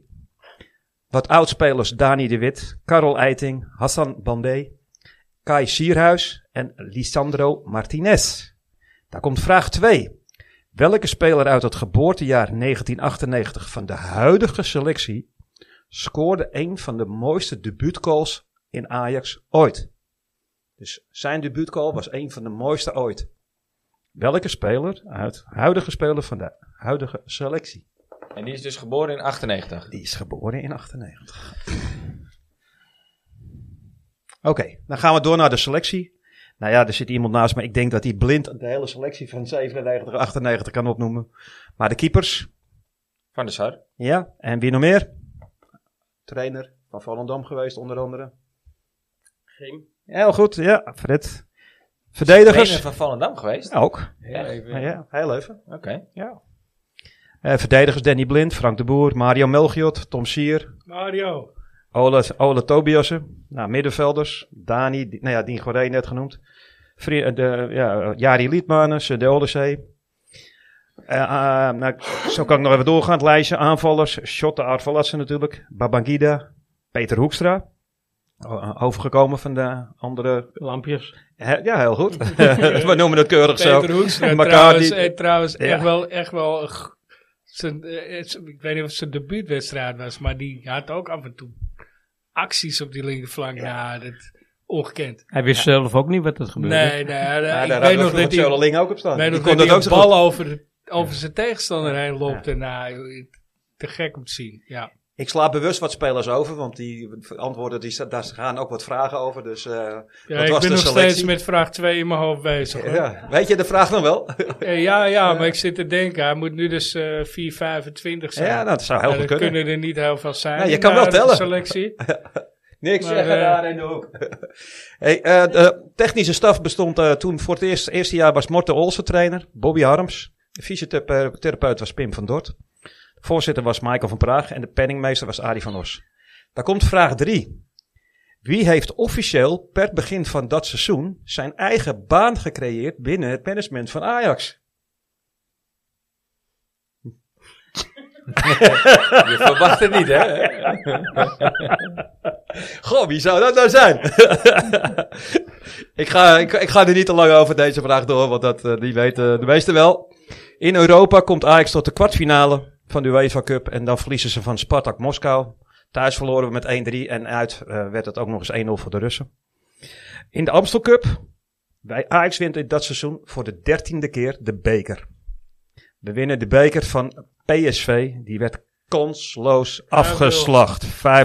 Wegwezen. Hebben we het- hebben we het over gehad? Ja, ja. Nou, daar gaat ook vraag 4 over.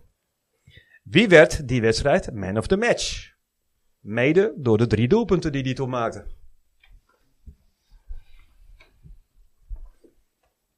Nou, iedereen schrijft ook rustig mee, dus ik hoef het niet nog een keer te herhalen. Ik denk dat iedereen het antwoord ook weet. Nou, het seizoen 97-98 was het 42 seizoen van de Eredivisie. Ajax wordt dat seizoen eh, landskampioen. De Amsterdammers wisten hun eerste 10 wedstrijden voor de verandering eens te winnen op rij. En op dat moment had Ajax al 8 punten voorsprong op PSV. 30 om 22 was nog het oude puntensysteem. De eerste wedstrijd werd van het seizoen werd gewonnen met 5-0 van Vitesse. En hierdoor, mede door deze overwinning, stond Ajax vanaf dag 1 tot en met de allerlaatste dag gewoon bovenaan de ranglijst. Dat is de eerste keer. Zoals wij, zoals wij altijd zeggen, zoals het hoort. Ja, maar het was de eerste Het keer was, dat de eh, winterkampioen ook. Maar even Ja. terugkomen, wat bedoel je met oude puntensysteem?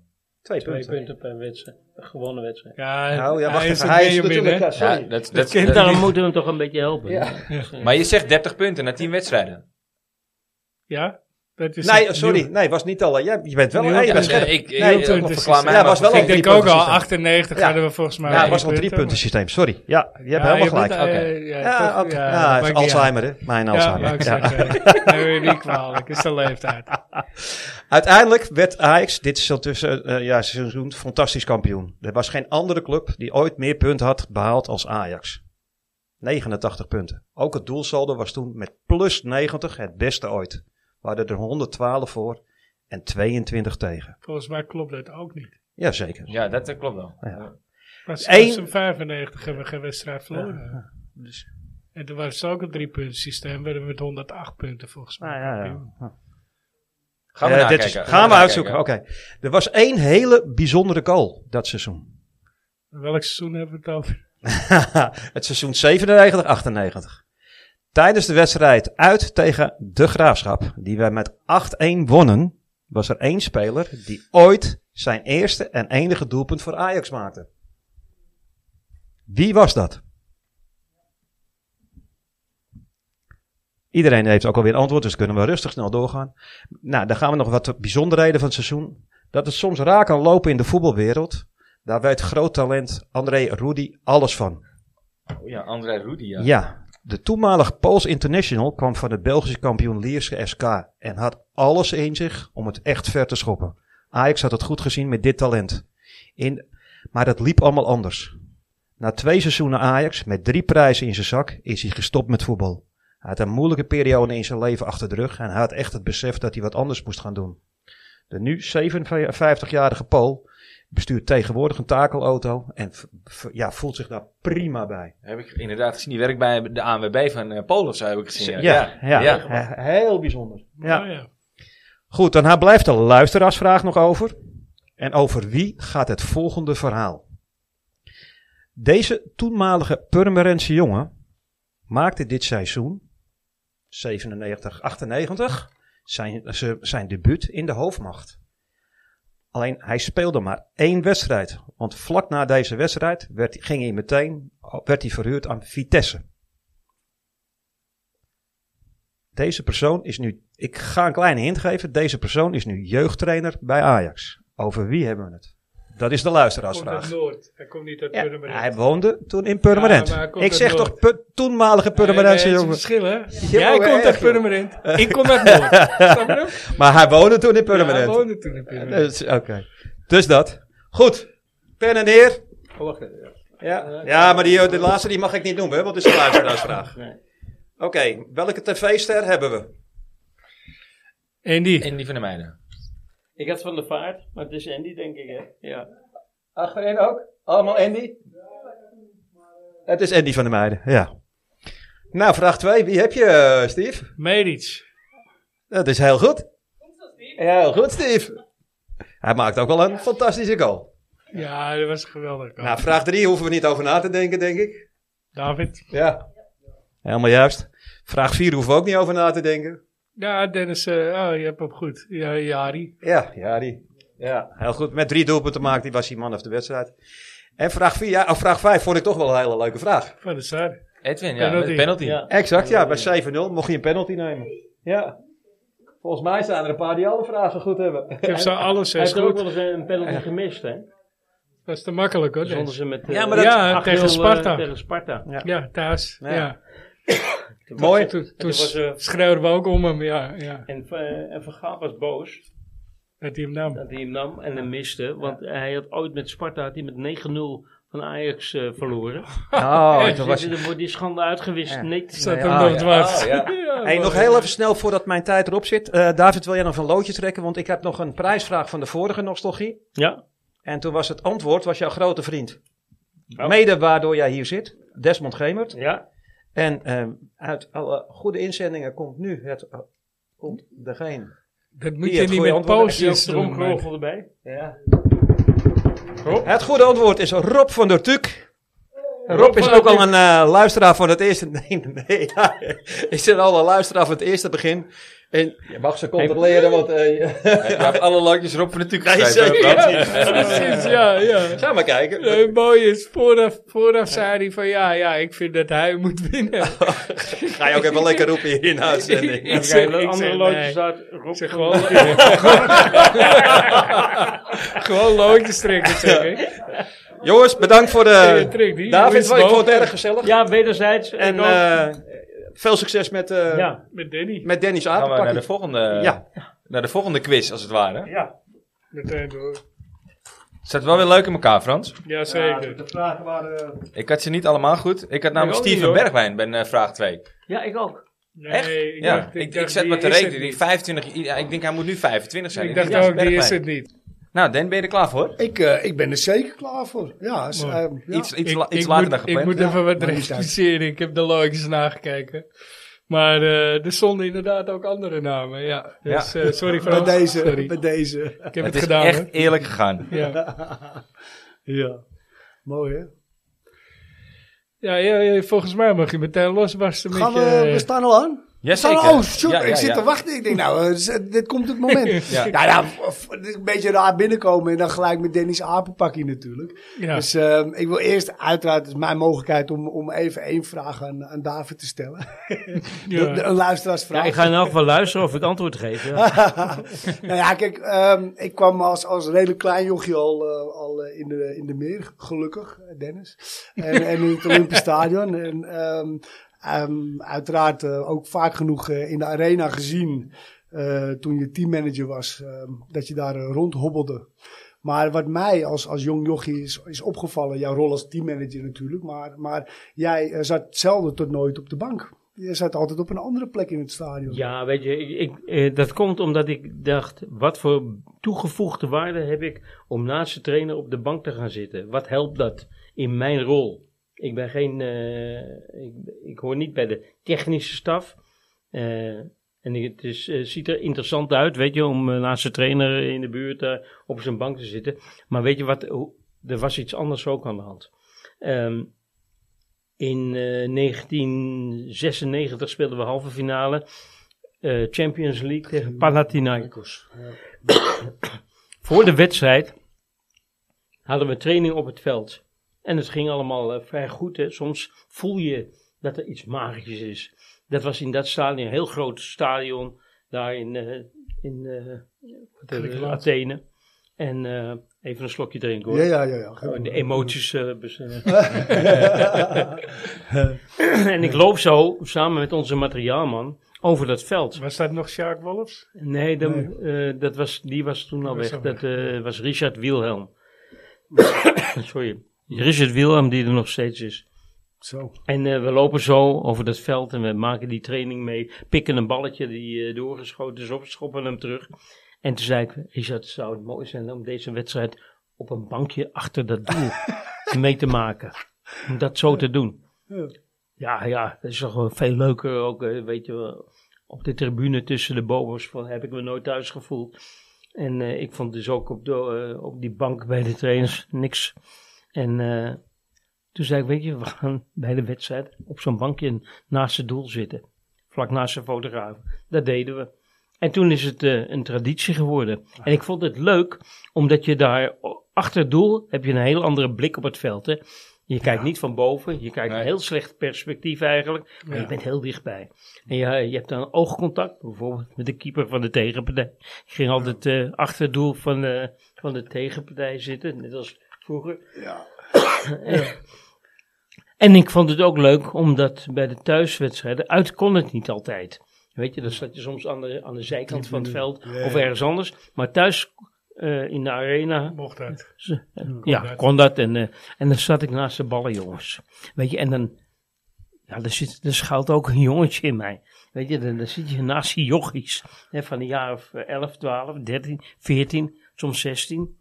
En dan beleef je samen de wedstrijd. En dan heb je contact en je praat. En je zegt, godsamme, die paas naar de gemoeten. Of een mooie goal. En je juicht met elkaar. Ja. Weet je, ik kon, dat was mijn plek waar ik eh, eigenlijk het meest vrij was om naast official ook fan te zijn. Ja, Ja, ja, ja, ja, ja, ik ja. kon Ja, dat ja. verdriet hebben, kon ik vloeken zat, eh, om, een, ja, om, om een nederlaag en juichen met zo'n Ja, d- dat is wat ik me echt eh, een beeld van jou goed kan herinneren. Is dat met een Wesley Sneijder die een, een goal met jou viert. Die dus, eh, nee, kwam ja, dus ja, uit ja, van ja. achter die goal vandaan. Ja. En dat kan ik me echt nog herinneren. Dat is echt een heel duidelijk beeld wat ik van jou heb van vroeger. Ajax PSV. Ja, Ja. Ja, zou goed kunnen. ja vrije Wesley. trap, de vrije trap van Wesley. Maar ja, weet je, hij het was ook toeval. Er was wel er niks afgesproken of zo. Nee, nee. ik nee, zat nee. daar en ik was blij. Ja. Dus ik stond zo half op.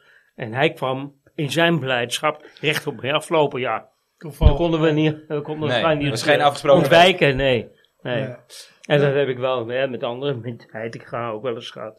Zulke soort momenten, dat, eh, dat maakt het wel heel intiem en heel mooi om mee te maken. Ja. Maar het mooiste vind ik dan dat ik eigenlijk buiten mijn, eh, mijn rol ben ik gewoon de supporter die ik altijd ben geweest. Ja, Ja. ja. Wauw. Ja, mooi. Ja. Ik Heeft- een klein beetje je microfoon bij. Ja. Heeft, eh, het heeft in ieder geval op mij, als, als jong jochie, dat ik daar langs de kant, ook langs de kant van Ja. een stukje verder, heeft dat mij altijd eh bezig gehouden op de een of Ja. andere manier. En, en als je dat dan voor je neus ziet gebeuren, de, de teammanager van Ajax die daar dan zit, dat heeft mij altijd als, als jong jochie Moet goed je gedaan. heel eerlijk zeggen, Ja, het is me nooit opgevallen. ja, gek genoeg. Het is Ja. mij nooit opgevallen dat, dat je altijd daar zat. Ja. ja, mooi hè? Vanaf eh, 98 Ja, of eh, 96 tot aan 2013, toen Ja. ik wegging. ja, Ja. ja. Ja. mooi hè? Nou, Er zijn wel wat... eh, dat is ook van je hart, in. Ja, ja, nou ja, het, het- het- weet je, dat, dat, het, het- zoals je weet, eh, ik ben altijd best behoorlijk geïnteresseerd. En, en eh, nou, als, als dit soort vragen me gesteld kunnen worden, dan, dan, dan stel ik ze. Lijken En het niet. Nee. Leuk ook. een mooi verhaal. Weet je, ik heb daar echt hele dierbare herinneringen aan. Ja, dat je zo dicht op, op de materie zit, weet je. Zo bijna deelgenoot bent van het voetbal. Ja. En ik had ook met die keepers van de tegenpartij, die kenden mij natuurlijk op een gegeven moment Ja. ook. Had je altijd een contact mee, altijd een knipoog of eventjes een, eh, een handje schudden. En, Ja. eh, is afleiden. en, en eh, ook met scheidsrechters, die zit dichtbij. Ik Ja. weet nog een wedstrijd, eh, volgens mij ook, nee tegen Feyenoord. Ni- Nikos Maglas maakt een halve zwalbe. En krijgt een penalty mee van, eh, van eh. Dick Jol. En eh, hij geeft die penalty en hij kijkt zo naar me en zegt, eh, dit? Goed gedaan, hè? Duimpje. Ja, duimpje Ja. voor. die was bij de groenteboer geweest waarschijnlijk hoor. Uh. Geweldig, ja. Nee, maar dit is toch schitterend. Ja, Ja. ja, het, is mij opgevallen. En Ja. dat, ik wilde het toch even vragen. Leuk. Dus bij deze. Ehm, nou, David, zoals je weet, ik heb ook een, een eigen itempie. Ehm, hij ehm, gaat over uitzutjes. Die spaar ik al een geruime tijd. Ik heb er ook behoorlijk wat. Eh, de meeste, vanaf de jaren 95, 96 een beetje. Eh, deze is gekozen door Desmond Gemert. En hij is naastig op zoek naar dit shirt. Hij wil hem heel graag hebben. Hij bracht me even in verwarring, want hij zei het is een groen shirt van TDK. Maar er stond op dat moment nog geen TDK eh, op. Eh, Lecoq sportief. ja, Coq Sportief. En het, eh, sterker nog, het was het, dat seizoen het derde shirt van Ajax. Ook toen hadden ze dus al ehm, een tweede uitshirt eigenlijk. Ehm, dus dat is wel een bijzonderheidje om te noemen. Ehm, ik giet hem meestal ook in een soort van quiz. Dus jullie krijgen ook wederom... ik heb er vijf bedacht. Eén één luisteraarsvraag. Eh, dus ja, pennen en papier weer eh, in de aanslag. Daar gaan we. Seizoen 80-81. We gaan eh, terug in de tijd. Eh, Dennis, eh, ben, ja, ben je ik, erbij? Zeker. Ik, ik, heb van, ik, ben, ik was zelf nog niet eens geboren. Ik kom uit 85. Dus, dus- Ik wel, maar ik Ja. was drie. ja, ja, precies. Dus we gaan uit van die oudes. Eh, je, daar, je schrijft ook mee. eh, Frans schrijft ook mee Frans schrijft ook mee. ja. Mooi. Seizoen 80-81. Eh 25e jaar eh, professioneel Eredivisie in Nederland. AZ 67 werd kampioen. Ehm, Wageningen en Excelsior eh, degradeerden. Ja, Met mijn oude Of wel. baas. trouwens, met je oude baas. Ah, met je oude baas. Ja, En dat is. oude werkgever. Oh ja, echt, eh, ja? Luke eh Ursum. Oh, ah, Linksbuiten. Ja, linksbuiten. Kijk eens. Die nam deel aan dat. eh, Die zat baas, hè? die zat is zo. Ah, oké. Eh, Sam is inderdaad een... eh, een Ja, Echt een. Noord-Hollandse Vader van- naam. vader van Ja. Davy. Oké, oh, grappig. ja. zeg. Ehm, Wim Jansen komt dat seizoen met Johan Cruijff uit Amerika. En eh Cruijff maakt dan tijdelijk onderdeel uit van de technische leiding bij Ajax. Ehm, in het begin van het seizoen worden er behoorlijk wat punten gemost. Dat is een tweepunten systeem, Dennis, voor jouw informatie. Ehm, uiteindelijk weet Ajax alsnog ehm, in de laatste helft van het seizoen bijna alle punten te bemachtigen. En wordt dus tweede achter AZ 67. Waarin Ajax dat seizoen ook de beker verliest van AZ 67. Ehm, dan gaan we naar de opstelling. Eh, ook een, nou, een stukje hetzelfde inderdaad. Want daar komt ook gelijk vraag 1 uit voort. De opstelling ehm, varieert dat seizoen. Leo Beenakker is natuurlijk de coach. En die moet hier en daar wisselen. Nou, alle kanten op. Alles, ja, Eh, zelfs een ander systeem. Een meer verdedigend systeem met twee aanvallers en vier middenvelders. Dus dat is eh, ja, een beetje gek. hè? Anti-Ajax. Anti-Ajax. Vinden we nu. Vloeken Eh, in Nog de steeds kerk. vloeken in de kerk. Ehm, in de verdediging op- goal Piet Schrijvers, de beer van de meer. ja, dan gaan we naar de verdediging Edo Ophoff, Wim Jansen, Sten Ziegler, Peter Boeven. Op het middenveld Frank Arnezen, Dick Schoenaker, Frank Rijkaard en Søren Lerby. De voorhoede Tjöla Ling. En nog een andere aanvaller, daar kom ik straks op terug. Dat wordt vraag 2. Want vraag 1 is, wie was dat seizoen de aanvoerder van Ajax? Ik heb hem net wel al genoemd. Hij zit in het rijtje dat ik net opnoemde. Vraag 1.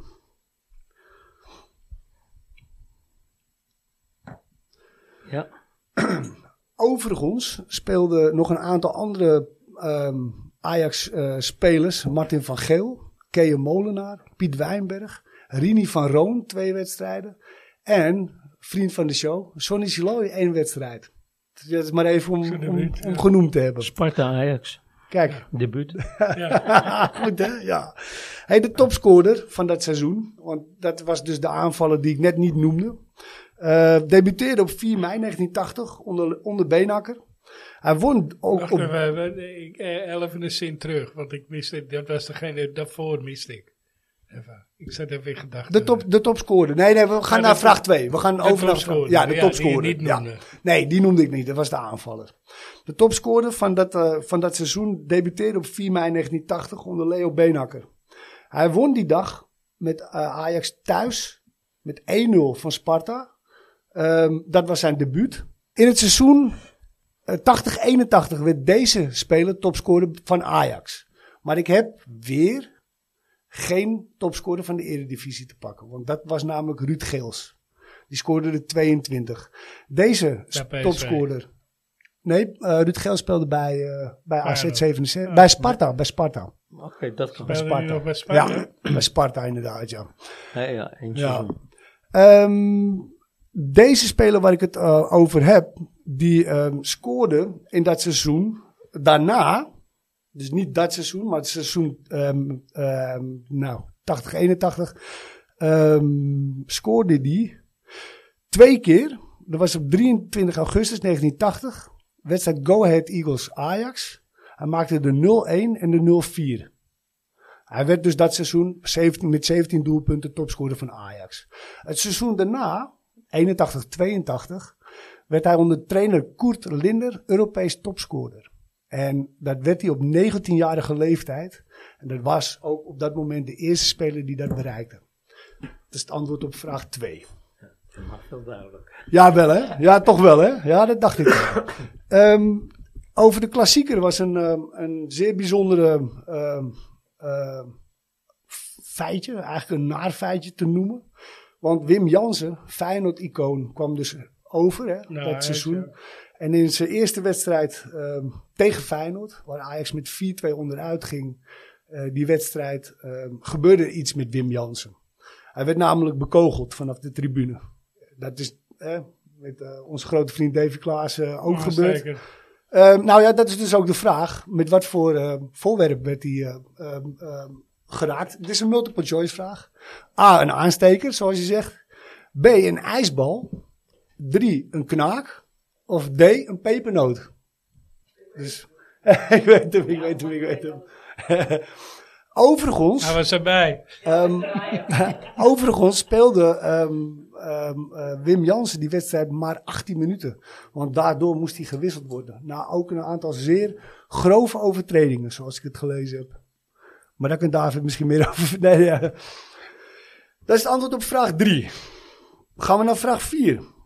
Ehm, een zeer, maar dan ook echt zeer opmerkelijke naam die ik tegenkwam tijdens de voorbereiding van mijn Dennis Apenpakkie was een naam van een speler die gecontracteerd werd.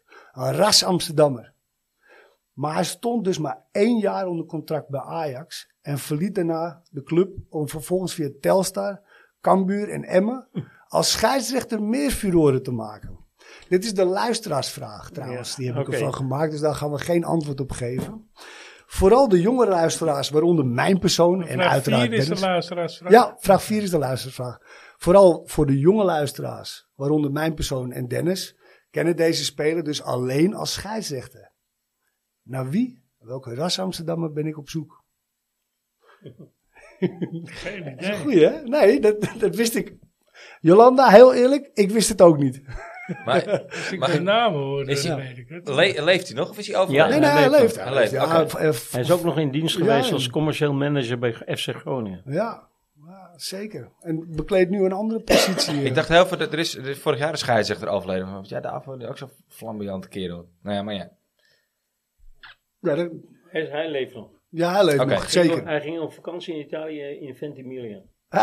Kijk, alsjeblieft. We kennen elkaar heel goed. Ja, voor de luisteraars, eh, ja, zoek het op. Ja, ja. het is toch een eh, klein aanknopingspunt. Tot, tot, ja, mooi hè. tot Ja. wanneer is hij ongeveer scheidsrechter? geweest? 2013 uit mijn uit mijn hoofd. Ik heb het opgezocht 2013? inderdaad. Ja, het is nog een behoorlijk eentje geweest. Ja. En hij heeft wat dat betreft denk ik meer furoren gemaakt als scheidsrechter dan als, als speler, als ik het zo even Het gekke was dat hij, ondanks zijn Ajax-verleden, mocht hij wel wedstrijden van Ajax fluiten. Ja, Dat hij dus, was verhuisd naar het noorden.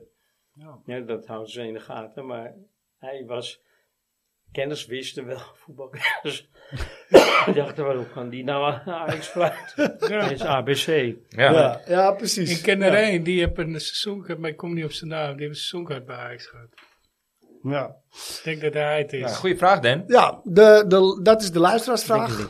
Ehm, de laatste vraag is natuurlijk een, ja, een bijzonderheid. Ik had hem net al gezegd. Wim Jansen, als Feyenoord-icoon. Ehm, uiteraard nam eh, en ging met Johan Cruijff in zijn kielzog, eh, die een hele bijzondere rol kreeg dat seizoen. Ehm zou zogenaamd als, als teamleider moeten gaan plaatsnemen ergens in het stadion. Kwam dus uiteindelijk tijdens een wedstrijd naast Benakker op, eh, op de bank te, te zitten. Dat was een wedstrijd tegen Twente. Ajax stond eh, op dat moment met 2-3 achter. En ja, dat, dat gebeurde. De beelden zijn, zijn echt wel bekend inderdaad. Ja, het is een historisch moment. Historisch Ja. moment. Ja, dat ken zeker. ik ook van de videobanden. Nou, gelukkig wel van de videobanden, maar dat, daar gaat mijn vraag natuurlijk niet over. Want eh, er gebeurde natuurlijk wat die wedstrijd 2-3 achter, Ajax wint. Maar ja, mijn vraag, en dat is natuurlijk het antwoord op vraag 5, met hoeveel won die Ajax die wedstrijd van Twente? Anders had die wel te makkelijk geweest. Overigens is dat natuurlijk mede ook, ehm, tenminste, volgens mijn idee ook een beetje de, het, einde geworden van, van Leo Benakker. In januari ging Ajax al op zoek naar een, eh, naar een andere trainer, een Ivic. Uit, eh, uit Kroa een, Kroatische trainer. Ja, ik kom van uh, Hajduk Split. Split af, ja. Joegoslavisch die- was het toen, hè? Hey, hij is Servisch ja. afkomst, hè? Dus hij noemt het graag Kroaat. eh. Maar hij kwam, maar hij kwam niet. De- hij kwam niet en uiteindelijk ging eh, Ajax met Koert Linter eh, aan de slag. Dus ja. Ja, hè? Atemos was, zat als assistent op de bank. Interim, interim. Ja. Ja, Bos is gekomen, interim ja. Eh, Ja. geweest. Nee, zeker. zeker mooi. hartstikke goed. Oké, Oké, Denk eens aan een pakje, eh, mannen. Ja. Dat was hem. Ja, Ik kan er niet door. tegen dat ik vraag 4 niet weet, maar voor de rest... eh, Ja, die krijg je dus ook nog niet te horen, hè? straks pas. nee. Na de antwoorden. Ehm, antwoord op vraag 1. Ik had hem dus inderdaad genoemd. Frank Arnezen. Oh, Oh, Als, ik- eh, als ik aanvoerder van. Ajax. ik dacht Peter Boeven. Is die Had jij hem goed, Frans? Is die ooit aanvoer aanvoerder geweest? Boeven. Frans uit Lerby. Jolanda? Je had ook op of. Had te, had te weinig eh, persoonlijkheid. Sorry, David, ook het jij? Nee, ik had ik had een fout. Ik had schoenhaken. Oké, Oh, zo is ja, Jolanda. dat zou ik Ja, ook geen oké. gekke vinden. nee. Hij de topscorer. Ook een tv-persoonlijkheid tegenwoordig, hè? Jazeker. Ja, Wim Kieft. Heel goed. Ja, heel goed. eh. Dat jij zei dat die Ja. jongste eh, topscorer... eh, Ja. of jongste Ik had Johnny Bosman. Ja. Ja, het, maar dat, dat even voor de, voor de duidelijkheid. Daar ging ik zelf ook heel even de mist in. Maar Ik het seizoen daarna, dus 81, 82, werd hij dus Europees Ik dacht dat topscorer- Kief, de, top- topscorer. Kief jonger was. Ik, ik had Bosman. Bosman is Denk- ouder dan Kief, toch? Nee. Nee, Kieft is Ah, denk ik van 62. Ah, Oké. Geboortejaar. ja. Ja, dus ja, ongelooflijk knap. En da- dat seizoen daarna pakte Ajax ook eh, eh, eh, de prijs. het kampioenschap. En, en ging het eigenlijk wel weer goed. Ja, Koert Lindner. weer op de eigen jeugd, hè? Sorry? Weer op de eigen jeugd. Ja, ja, ja, ja, ja, maar ja, Zoals altijd, het gaat Ja. mis. En Ja. daarna kom je terug op je eigen Ja. jeugd. Hey, ehm, jij zei net een aan aansteken. Je was te vroeg met je antwoord. Je kreeg een meer Nee, maar dat is niet goed. Nee? Aansteken was het niet. Nee, was niet goed. Oh, je probeerde de, de luisteraars op een verkeerde Nee, nee, jij zei Klaassen. Ja, dat was een... Oh, daar reageerde je op. Ja. Eh, trouwens, David, eh, hoe is het met, eh, hoe is het met, met Davy in, Ja, eh, bij maar- Inter? Dat hebben we net gevraagd. Oh, sorry, sorry. Die, Nee, heb, ik- die niet heb ik gemist. Die heb ik gemist. Hebben, Ah, we niet, ah. hebben we hem niet gesproken. Ik, Oh. heb, ik, ik heb niet Nee. gesproken, nee. Ja, we hebben wel via eh, andere mensen even contact gehad en geluk gewenst bij Ja, mijn ja, club. ja, ja, ja, Maar, ja, eh, ja, helder, helder. Ja, dat was natuurlijk een aansteker, maar ehm, ehm, Wim. Jansen werd geraakt door een ijsbal inderdaad. Ja, Ja. ja. ja. bizar. Zo'n Al voor de wedstrijd was het. Ja, Bij de tijdens de warming-up gingen ze naar binnen en toen werd hij geraakt. Nog in zijn Ajax trainingscheck. Kwam Ja. op het veld in en hield het niet vol. Nee, 18 minuten. Maar dat was na een aantal overtredingen op hem. Ook, onder andere. En De Ja, ijsbal eh, ja. was, was de... Dat staat me niet meer bij. Nee. Dus, Hey Dennis Apenpakje, ja, dat wordt de luisteraarsvraag. hè. Dat is de, de, de ras-echte Amsterdamse scheidsrechter. Die dus inderdaad ehm, eh, overigens geen enkele wedstrijd in Ajax 1 heeft gespeeld. Nee. Dus dat, is wel, dat moeten we er wel even bij vermelden. Maar speelde ja, wel bij Jong Ajax. Ja. Onder meer met de Rijkaard. Ja, klopt. Dus ja, ga, ga vooral op zoek. hey, en eh, antwoord op vraag 5. Een 2-3 ehm, eh, nederlaag werd inderdaad eh 5-3 voor, eh, voor Ajax. Dat werd als veel mensen overigens wel gezien als natuurlijk een, een, een dolksteek voor Leo Beenhakker. Ja, ik weet niet hoe... Ja, Be- Beenhakker zelf zei later, eh, hij, die liet het zich overkomen. En die zei, eigenlijk had ik op moeten staan en Johan een beuk voor zijn kanus Dat moeten moet geven. ja, ja, mooi.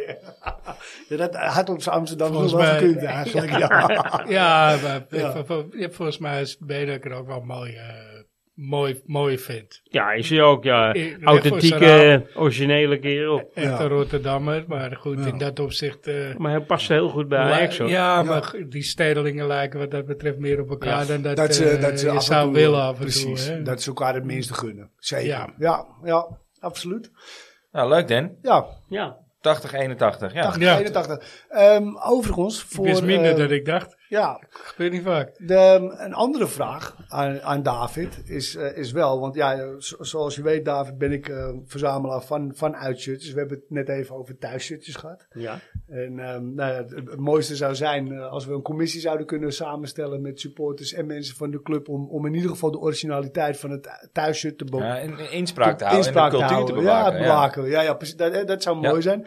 Maar ehm, wat, wat vind jij eigenlijk het mooiste uitshirtje van Ajax? Het mooiste uitshirt, nou, ik moet zeggen, Ajax heeft een mag ook een top 3 zijn. Hoor. Ja.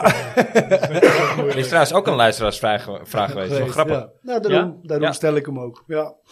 Ja, weet je, er zijn, sommige shirts zijn lelijk, maar worden mooi omdat er iets moois is bereikt. Hè? Ja. Twee- 2019 vond ik eigenlijk een, eh, een lelijk shirt. Dat was het Zwart. zo beige-achtig met zwart. Ja. Ja. maar weet je, de resultaten maken het tot een heel bijzonder en daar Ja. weer een mooi shirt mee. Ik vond het ook een saai shirt dat het uitgebracht werd. Ja, Ja. ja. en hetzelfde geldt Ja, een beetje voor het uitshirt in 94, 95.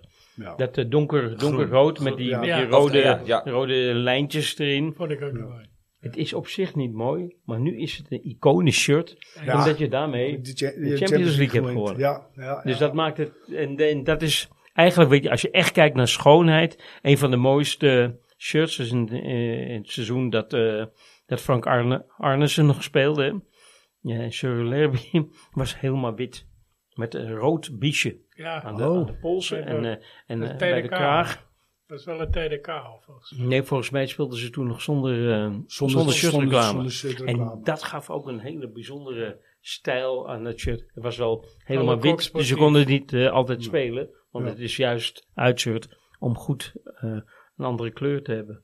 Ja. Ehm, Maar het was Le Coq sportief, toch? Toch? ja, een Ja. koksportief shirt. Maar dat was echt heel verfijnd, weet je. Dat je denkt, hier zit de elegantie van die eh, club. Re- wat zit- Real Madrid eh standaard had in zijn thuis. ja, ja, weet je, impo- Weet je toen al imposant. welk jaar dat ongeveer was? Ik denk 19, ik denk 1 81 zo'n 80, beetje. ja. Oh, dat, ja, dat is het, dat is het, dat is het officiële uitshirt van dat jaar geweest. Jazeker. Ja, Ja, hadden ook, dit ja, was het derde shirt. Ja. dit was het derde shirt. Ja, 100%. Ja, Oké. ja. ze hadden Ja, dat toen ook eh, groen. Maar wat ik eh, eh, over het algemeen vond ik dat, en dat is ook iets van, van nog vroegere tijd, dat blauw was eigenlijk een standaard uitkleur. Hè? Ja. Er hadden heel Blauw. vaak varianten in blauw. En dat vond ik ook eh, echt, stond Ajax goed. Maakten ze spelers sterk, weet je. En eh, en weet je, dat wit, dat maakte ze eleganter en, eh, en stijlvoller. En het blauw, dat maakte het vaak wat, wat, wat forser, wat sterker. Dat vond ik een... eh, Wat vind je van het huidige uitshirt? ja, ik heb er helemaal niks mee. Nee, ik, ik vind het witte wel mooi. Ja. Oh, dat, Ja. oh, dat gebroken wit. Ja, jij hebt Ja. ik zag ze laten spelen in dat zwart. Oh ja. En dat Ja. vind ik dus niet zo'n... De eh, diamond. eh, Ja, vind ik niet zo'n geslaagde combinatie. Maar weet je dat Ajax ooit heel serieus heeft overgewogen en de shirts zijn ook gemaakt, maar uiteindelijk afgewezen dat ze, ehm, en dat was denk ik in 1993, 94, ehm, dat ze een, een zwart-rood gestreept shirt hadden. uit Amsterdamse vlag. De Amsterdamse vlag, maar dat was heel erg ook het shirt van Milan. Ah, En omdat die toen kampioen waren, ja, nee, we willen niet eh, met Milan. Maar weet je, als uitshirt zou het wel Ja, kunnen, omdat het donkere kleuren heeft. Ja, ja. Ten opzichte van de andere partij die vaak dan in het wit of rood-wit speelt. Ziet er Ja, En je hebt hem en- al op de socials wel eens langs zien komen. Hè? Oh ja? Gewoon, eh, Oké. De Amsterdamse vlag als Ja. Als Ja, ja. Ja, Nou ja, echt- maar in de afgelopen jaren ook wel een aantal keer geweest. Hè? De- in ieder geval de link naar Ajax, dat blauw-zwarte shirt met die drie kruisen erop. De Ja. Frans heb Ja. Frans Ja. mee Ja. Maar ook, Eindelijk ehm, heb na al die jaren. ook Ja, die met hij die, eh, die poldergeist, die, die eh, zwart, eh, zwart-rode van Adidas. Heeft Ajax gehad. Eh, ja, ja. Zwart-rood. Zwart-rood. Ja, ja. Ja, zeker. Suarez, Suarez. Emmanuel, Oh, ja, ja, ja, speler. ja, ja, Ja, zeker weten. Dat was dan wel al de link met Ajax. Of met Amsterdam natuurlijk. Maar Ja. ja, oké. wat en die is Ja. toen niet En uitgebracht. toen een paar weken voor het begin van het seizoen werd hij afgewezen. Werd hij Ja afgewezen. hoor. Het zou nu een regelrechte kaskraken worden. Ja. Ja. En wat we ook hebben meegemaakt, dan heb ik het over midden jaren eh 80. Dat ken je natuurlijk ook. Dat is dat shirt met, zeg maar, ik noemde het maar de Amerikaanse vlag. Ja, ja. Hè, die geblokte rood ja. Oh, ja. ja, ja. en blauw. Ja. Weet je, dat was ook, weet je, denkt, Heel hoe kan shit. het?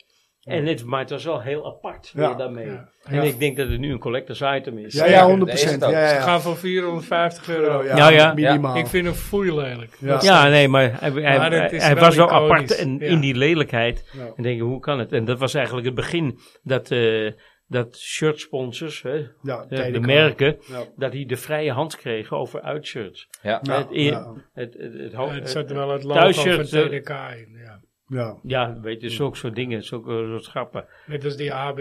eh, Ja, ja. en eh, dat uitshirt van A- wat Ajax toen ook had, dat, dat groen en geel, Groen-geel. was natuurlijk eigenlijk waren de kleuren van ABN. Dat was het logo van Hè, ABN. dus het was eh, op zich een vondst, maar Ja. of het nou mooi is, Ja. dat is een ander verhaal. Maar met dat thuisshirt... in weet dat shirt eh, de UEFA Cup gewonnen, toch? Ja, Ja, dat, Ja. Dus, dus dat heb daardoor... ook daar heeft het weer een extra waarde. Maar dat thuisshirt, dat moet inderdaad bewaakt worden. Ja. Weet je wel, want eh, nu gaan die... eh, Het lijkt nu op Arsenal. Die ik, merken- ik was in, eh, ik was in ja. is Tenerife. bijna Arsenal. Ja, Ja, de achterkant. Ik was Ja. in Tenerife. En ik, ik loop eh, met mijn vriendin eh, in, een, in, een- vakantieoord daar. En ik kijk en ik denk, hé, hey, dat was tijdens Ajax Feyenoord. Toen had ik jou nog aan de lijn. Dan. en eh, dat was die, die 3-0 die uiteindelijk gestaakt was. En ik, eh, ik loop daar en ik kijk. Ik denk, shit, het wordt uitgezonden daar. Was Dat gewoon was gewoon Arsenal. Arsenal supporters. Ik zat aan de achterkant van de shirts te kijken.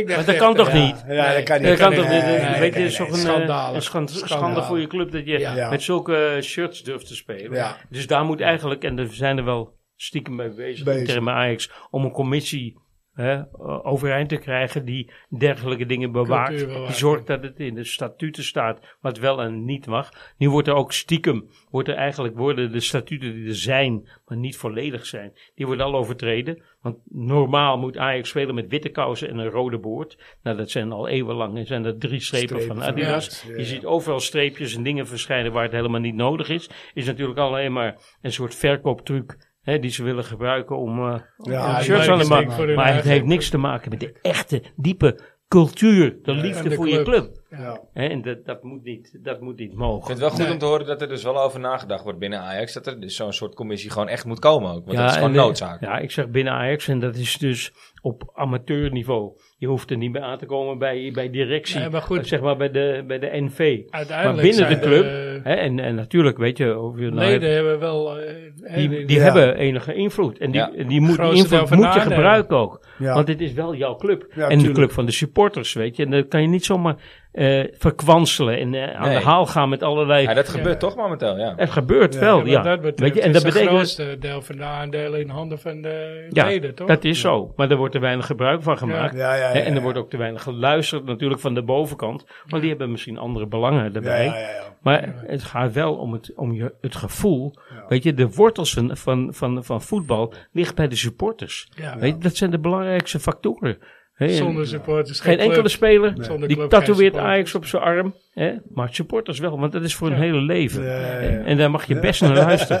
Ja, ja, Ja, nou, zegt is toch zo? Ja, ja, tuurlijk. Ja, En, en die van de meiden toch ook niet? Ja, ja, ja. Maar die hebben hem ook weer weg laten halen, of niet? Ja, precies. Ja, ja. In Eindhoven.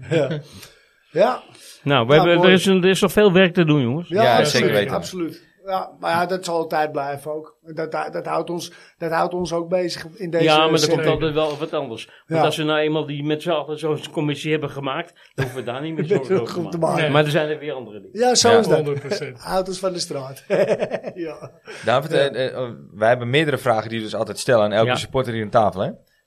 Eh, maar als, als je een favoriete Ajax ziet alle tijden zou moeten aanwijzen. Is Kan- dat voor jou te doen? Is, ja, is dat te doen? Nee, dat is een onmogelijke vraag. On- onmogelijk te beantwoorden. Dus kiezen tussen twee kinderen. Ja, ja. Of tussen je ouders. ja. En, en, en, en, en Weet je, ik heb, ik, heb, ik heb een groot hart voor heel veel van die spelers.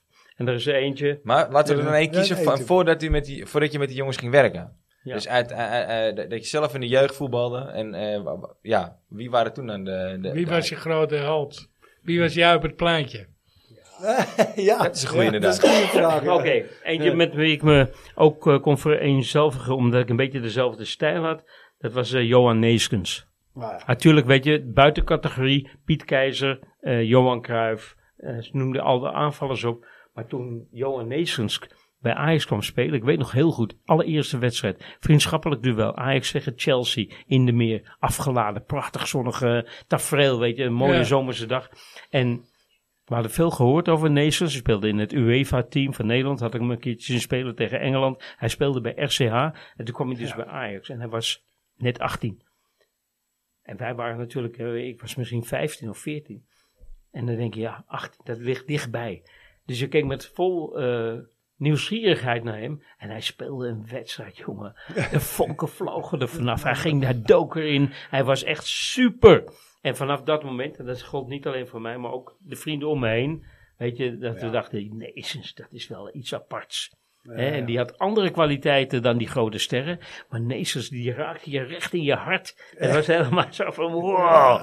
En, dat, dat vond ik, en later leer je mensen kennen. En, eh, en dat is er eentje. Soms word je teleurgesteld in, in karakters. Maar dat, dat maakt ook niet zoveel uit. Beter is het om ze op afstand te hebben. Maar Neesers was echt ook een fantastische kerel. Ook later heb ik hem, ja, eigenlijk nooit op iets oneerlijks kunnen betrappen of wat dan ook. Nee. Hij, hij was een beetje zoals hij speelde. En de, de- hij vloog erin, jongen. Ja, geweldig. Ja, mooi, mooi. Ja, dat Ja, is dat is mooi om als, als, als, als, held te hebben dan, toch zo? Om Die is nog ja. niet eerder genoemd, denk ik, Nee. in alle... Ja, maar ik snap hem wel. Ja, nee, zeker, ja. Ja. Nee, ja, als ik eh, naar mensen kijk eh, die ou- een stuk ouder dan mij zijn, Ja, ja, ja, ja, ja, ja. noemen ja, Neeskens ook altijd wel in dat rijtje. Ja. Ja, absoluut. Natuurlijk ook niet voor niks naar Barcelona. eh. Nee, en We eh, gaan de het grootheid van een voetballer. Eh Ja. simpele. Zaankanter, hè, was het.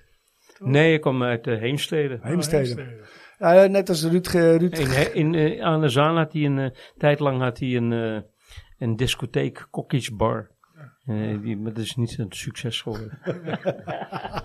Nee, Johnny eh, Rap was echt zaankanter, toch? Ja. Oh, Johnny Rep, ja. Ja, Ja. ik gooi, ik gooi hem Gooi hem in de, in de war, inderdaad. Ja. Ja. Ja, Eh, net als een aantal van die gasten natuurlijk ook altijd nog honkbald hebben. En zo'n Ruud Geels, wat ik toevallig dat ik daarmee aan het opzoeken was. Ja, en Neesens ook. Die was catcher van het Nederlandse jeugdteam. Honkbal.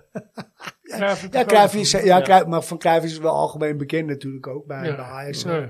Maar eh, de- de- Catcher, ja. eh, ja, 100%. Ja, en, en, en nog bijna de keuze eh, gemaakt om, om misschien met honkbal verder te gaan. Ja. weet. Ja, ja. Toen verdien, verdienen je met allebei net zoveel. Dat denk ik wel. Dus niks. Of net zo weinig. ja. Nee, precies. Precies, Ja. net zo weinig. Ja. ja. Nou, ik, ik, ik zag nog een vraag voorbij komen van eh, Tim Buschops, dat is een luisteraar van ons. En die, eh, die vroeg de eh, pikante vraag. Denkt David nog steeds dat Brian Brobby het niet gaat redden als spits van Ajax? Nou, weet je, ik heb, een, ik heb wat uitspraken gedaan, geloof ik, bij eh Brani over, eh over Daar, daar doelt hij op, ja. Ja. Dat denk ik hoor, ja. Ja, en eh, toen heb ik, eh, eh, dat ik, heb ik gezegd dat ik hem niet zo goed vond. Ik heb niet gezegd dat je, of je je wel of niet redt. Eh, maar weet je, het nadeel van zo oud zijn als ik, is dat je een heleboel goede spitsen voorbij hebt zien komen. Ja. Weet je, je refereert en je denkt aan, eh, aan echte Ajax-spitsen. Van En de eerste, eh, ja, weet je, de eerste die je noemt is Van Basten. En hij zit ver weg van Van Basten. Kluivert. Weet je, Ja. van, van, de, van de echte, pure, eh, geraffineerde klasse. Dat heeft hij. Hij is een ander soort spits. Ik moet zeggen, hij, eh, hij verbaast me nu. Eh, en ik ben blij voor hem, want ik gun het hem wel natuurlijk. Ja, Absoluut. hè, om, om, om het te redden. Maar hij heeft niet eh, de, de pure klasse die je aan de absolute top van de wereld eh, ziet. En die zie je graag bij Ajax Ja, natuurlijk. Ja. Hè, dat, Ja. dat wil je hebben. En hij is een ander soort spits, eh, maar hij, hij oogt ik- niet elegant of mooi in Nee, zijn spel. Maar ik ben het niet helemaal met je eens dat hij het niet zou kunnen redden aan de top met de stijl die hij heeft.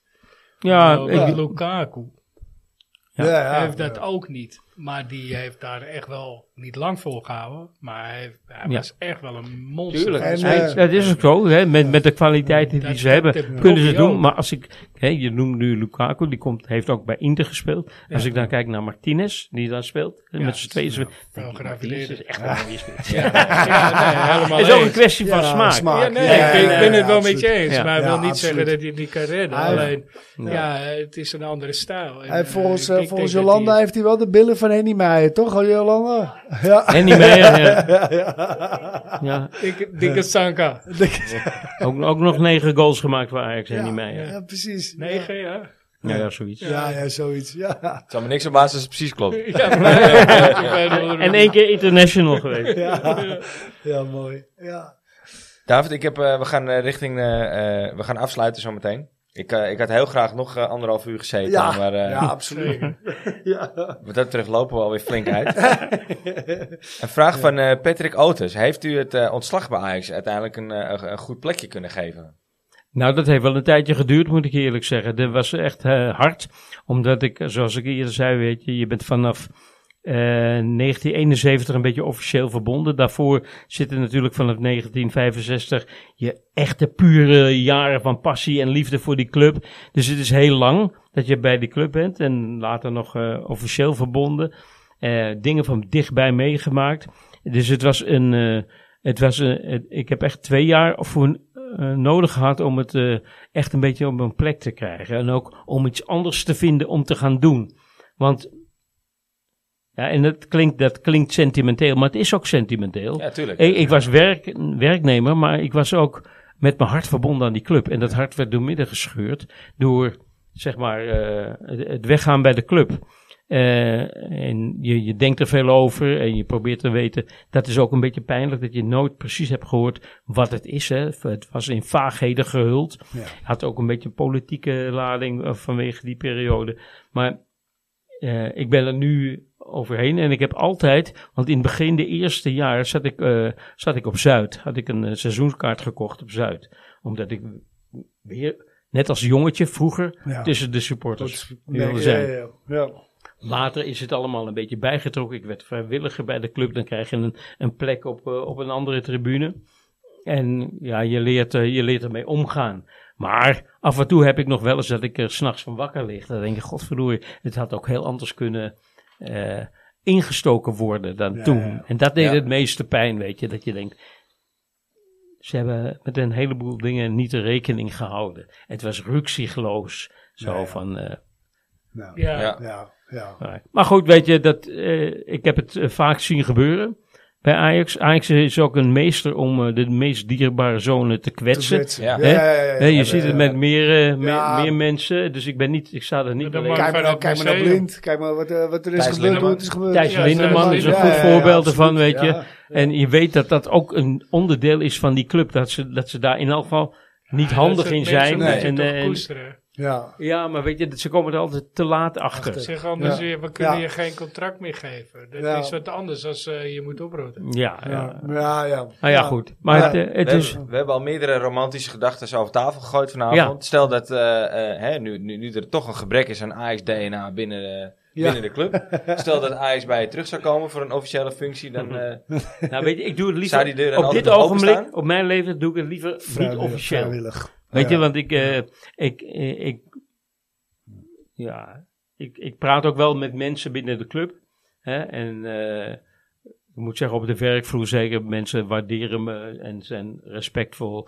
En dat gaat allemaal goed. Dus ik wil, ik wil heel graag een steen bijdragen om Ajax weer een beetje de identiteit terug te geven die het mist. en de cultuur te bewaken. Dan, Ja. eh, Ja, hè, weet je, binnen teruggeven, daarna maar, bewaken. ik, maar ik hoef niet, ik hoef niet Wat op de, nou zeggen, wil je in de RVC?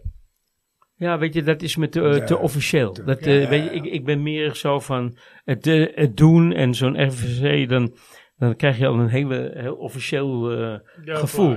En Ja, ik, ja, ja. weet je, op andere manieren kan je ook helpen. Ja. Het gaat me- met name om het helpen om iets weer terug te krijgen. Ja, ja. En doe ermee wat je wil, maar ik heb voldoende ideeën en eh, gedachten over hoe we weer een beetje onszelf terug kunnen vinden. Ja. Ja. In deze wereld waar commercie een hoofdrol speelt. Ja. En die, dat, dat zal het ook altijd blijven. Maar je moet de uitstraling blijven hebben van wij zijn een club. Smoel. En een club is wat anders, weet je. Ik zeg ook vaak, eh, Ajax is geen bedrijf. Ajax is geen merk. En je mag, misschien moet je het vermarkten hè, als een soort merk, maar niet naar je achterban toe, niet naar je supporters. Daar moet je club blijven. Want een club, hè, en zeker een club als Ajax, dat staat voor een begrip. Ja. En dat is vele malen sterker dan, dan eh, een merk. of een bedrijf. Ja. Hè? Want het gaat om veel meer. Je, je bent niet eh, levenslang supporter van Coca-Cola. Weet je? Nee, nee, Dat is een merk. Ja, ik ben dat zijn bedrijven. Fanta Maar-.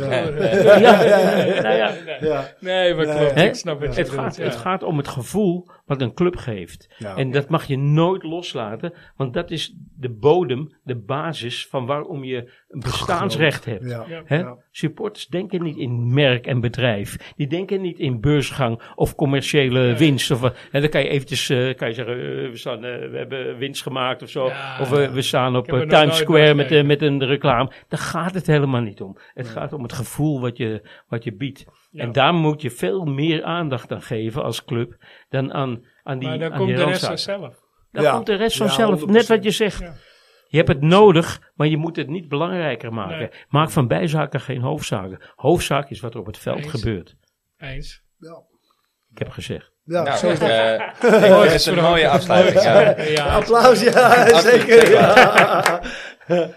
David, mag ik je onwijs bedanken Ja, dat je er eh, wilde zijn vanavond. Ik, ik bedank jullie Ik ben voor nog nooit zo ik stil geweest in de podcast, kan ik je wel vertellen. Ja, dat, is, dat is wel een unicum, David. Dat kan ik ook ja. wel, ja. Ja, ik, Ja. ik, ik kan het niet vergelijken. Dus ik, Nee.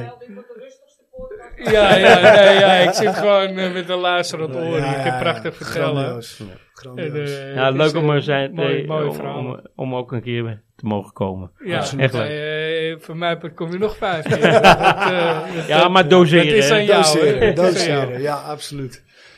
Ja, We moeten nog één eh, prijswinnaar bekendmaken. Danny, ja, Van, dat, eh, ja van jouw eh, Ah, prijsvraag. van zeker. Ja, terug. we hebben ook eh, deze prijs eerlijk geloot. Het waren dus inderdaad drie... Ik eh, van de, van de tube. Ja, ja, fanatiek, ja. ja. Het was met, eh, met drie doelpunten voordat Ibrahimovic vertrok, inderdaad. Ja. Eh, dat was, hij speelde twee wedstrijden, twee officiële wedstrijden dat seizoen. Ehm eh, scoorde die drie keer in. Ja, Ja. god, wat had er gebeurd als hij had gebleven dat seizoen, hè? Ja, 33. Ja, dat denk ik ook, ja. ja. Thijs Hol heeft eh, de, de goodiebag eh gewonnen. Bij, Ja, bij deze gefeliciteerd, Thijs, Thijs. van harte gefeliciteerd. Stuur ons een berichtje ja, met je ja. gegevens. Maar En, nog één vraagje, David. Oh, Eh, je mag het nieuwe Russinghout kiezen. Ja, Oh ja. Ja. dat heb ik ook gedaan, hè? Ja. Eh, wat was het? eh, 2019, geloof ik. Nee, dat- nou, ja, oh, 2000, die- die shirt. moest je ja, het shirt, kiezen. dat is Dennis Apenpak in 2019. 2019, die staat. Maar nee, het, eh, Ja. het, het gedicht, het Russiaal, aantal ik ziet. Daar moet ik een nieuwe voor. eh, Ja. Daar mag je er een nieuwe voor kiezen. En voor Mag je ook even over nadenken? Ja, ik laat het in de aankomende dagen weten, is dat ook goed? Want we Ja. hebben een flink lijstje al gehad met heeft, hij, spelers. heeft hij een beetje dieptekennis van de... Ja, kan- wel. kan hij, eh, ja. er zijn absoluut. er wel een hoop geweest. Maar, Ja. eh, Ja, maar, van, maar van waar je vraagt over dieptekennis? Had je al iemand in gedachten? Ja, ik heb wel iemand in gedachten. En Een van de, van de spelers, de, eh, hij werkt nu bij PSV, dat is een beetje jammer, maar hij had geen keus, want Ajax wilde hem niet hebben. André alweer. Nee, Nee. dat gaat nog dieper verder terug. Is Frank Arnissen.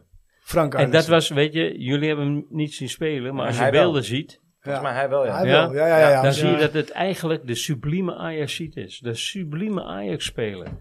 Hè, Ja, met snelheid, met technisch toch? vermogen, met, met altijd met durf en lef en open vizier. Was het links of rechts midden? Nee, eh, hij, speelde, hij was rechtsbenig, speelde vaak aan de linkerkant eh, op de buitenplaats. Ja. Maar snel en handig met die bal, doelpunten maken, echt fantastische speler. En, Nou, en, Fra- Frans deze. heeft nog ehm, eh, de nostalgie met die oude. Welke, welke?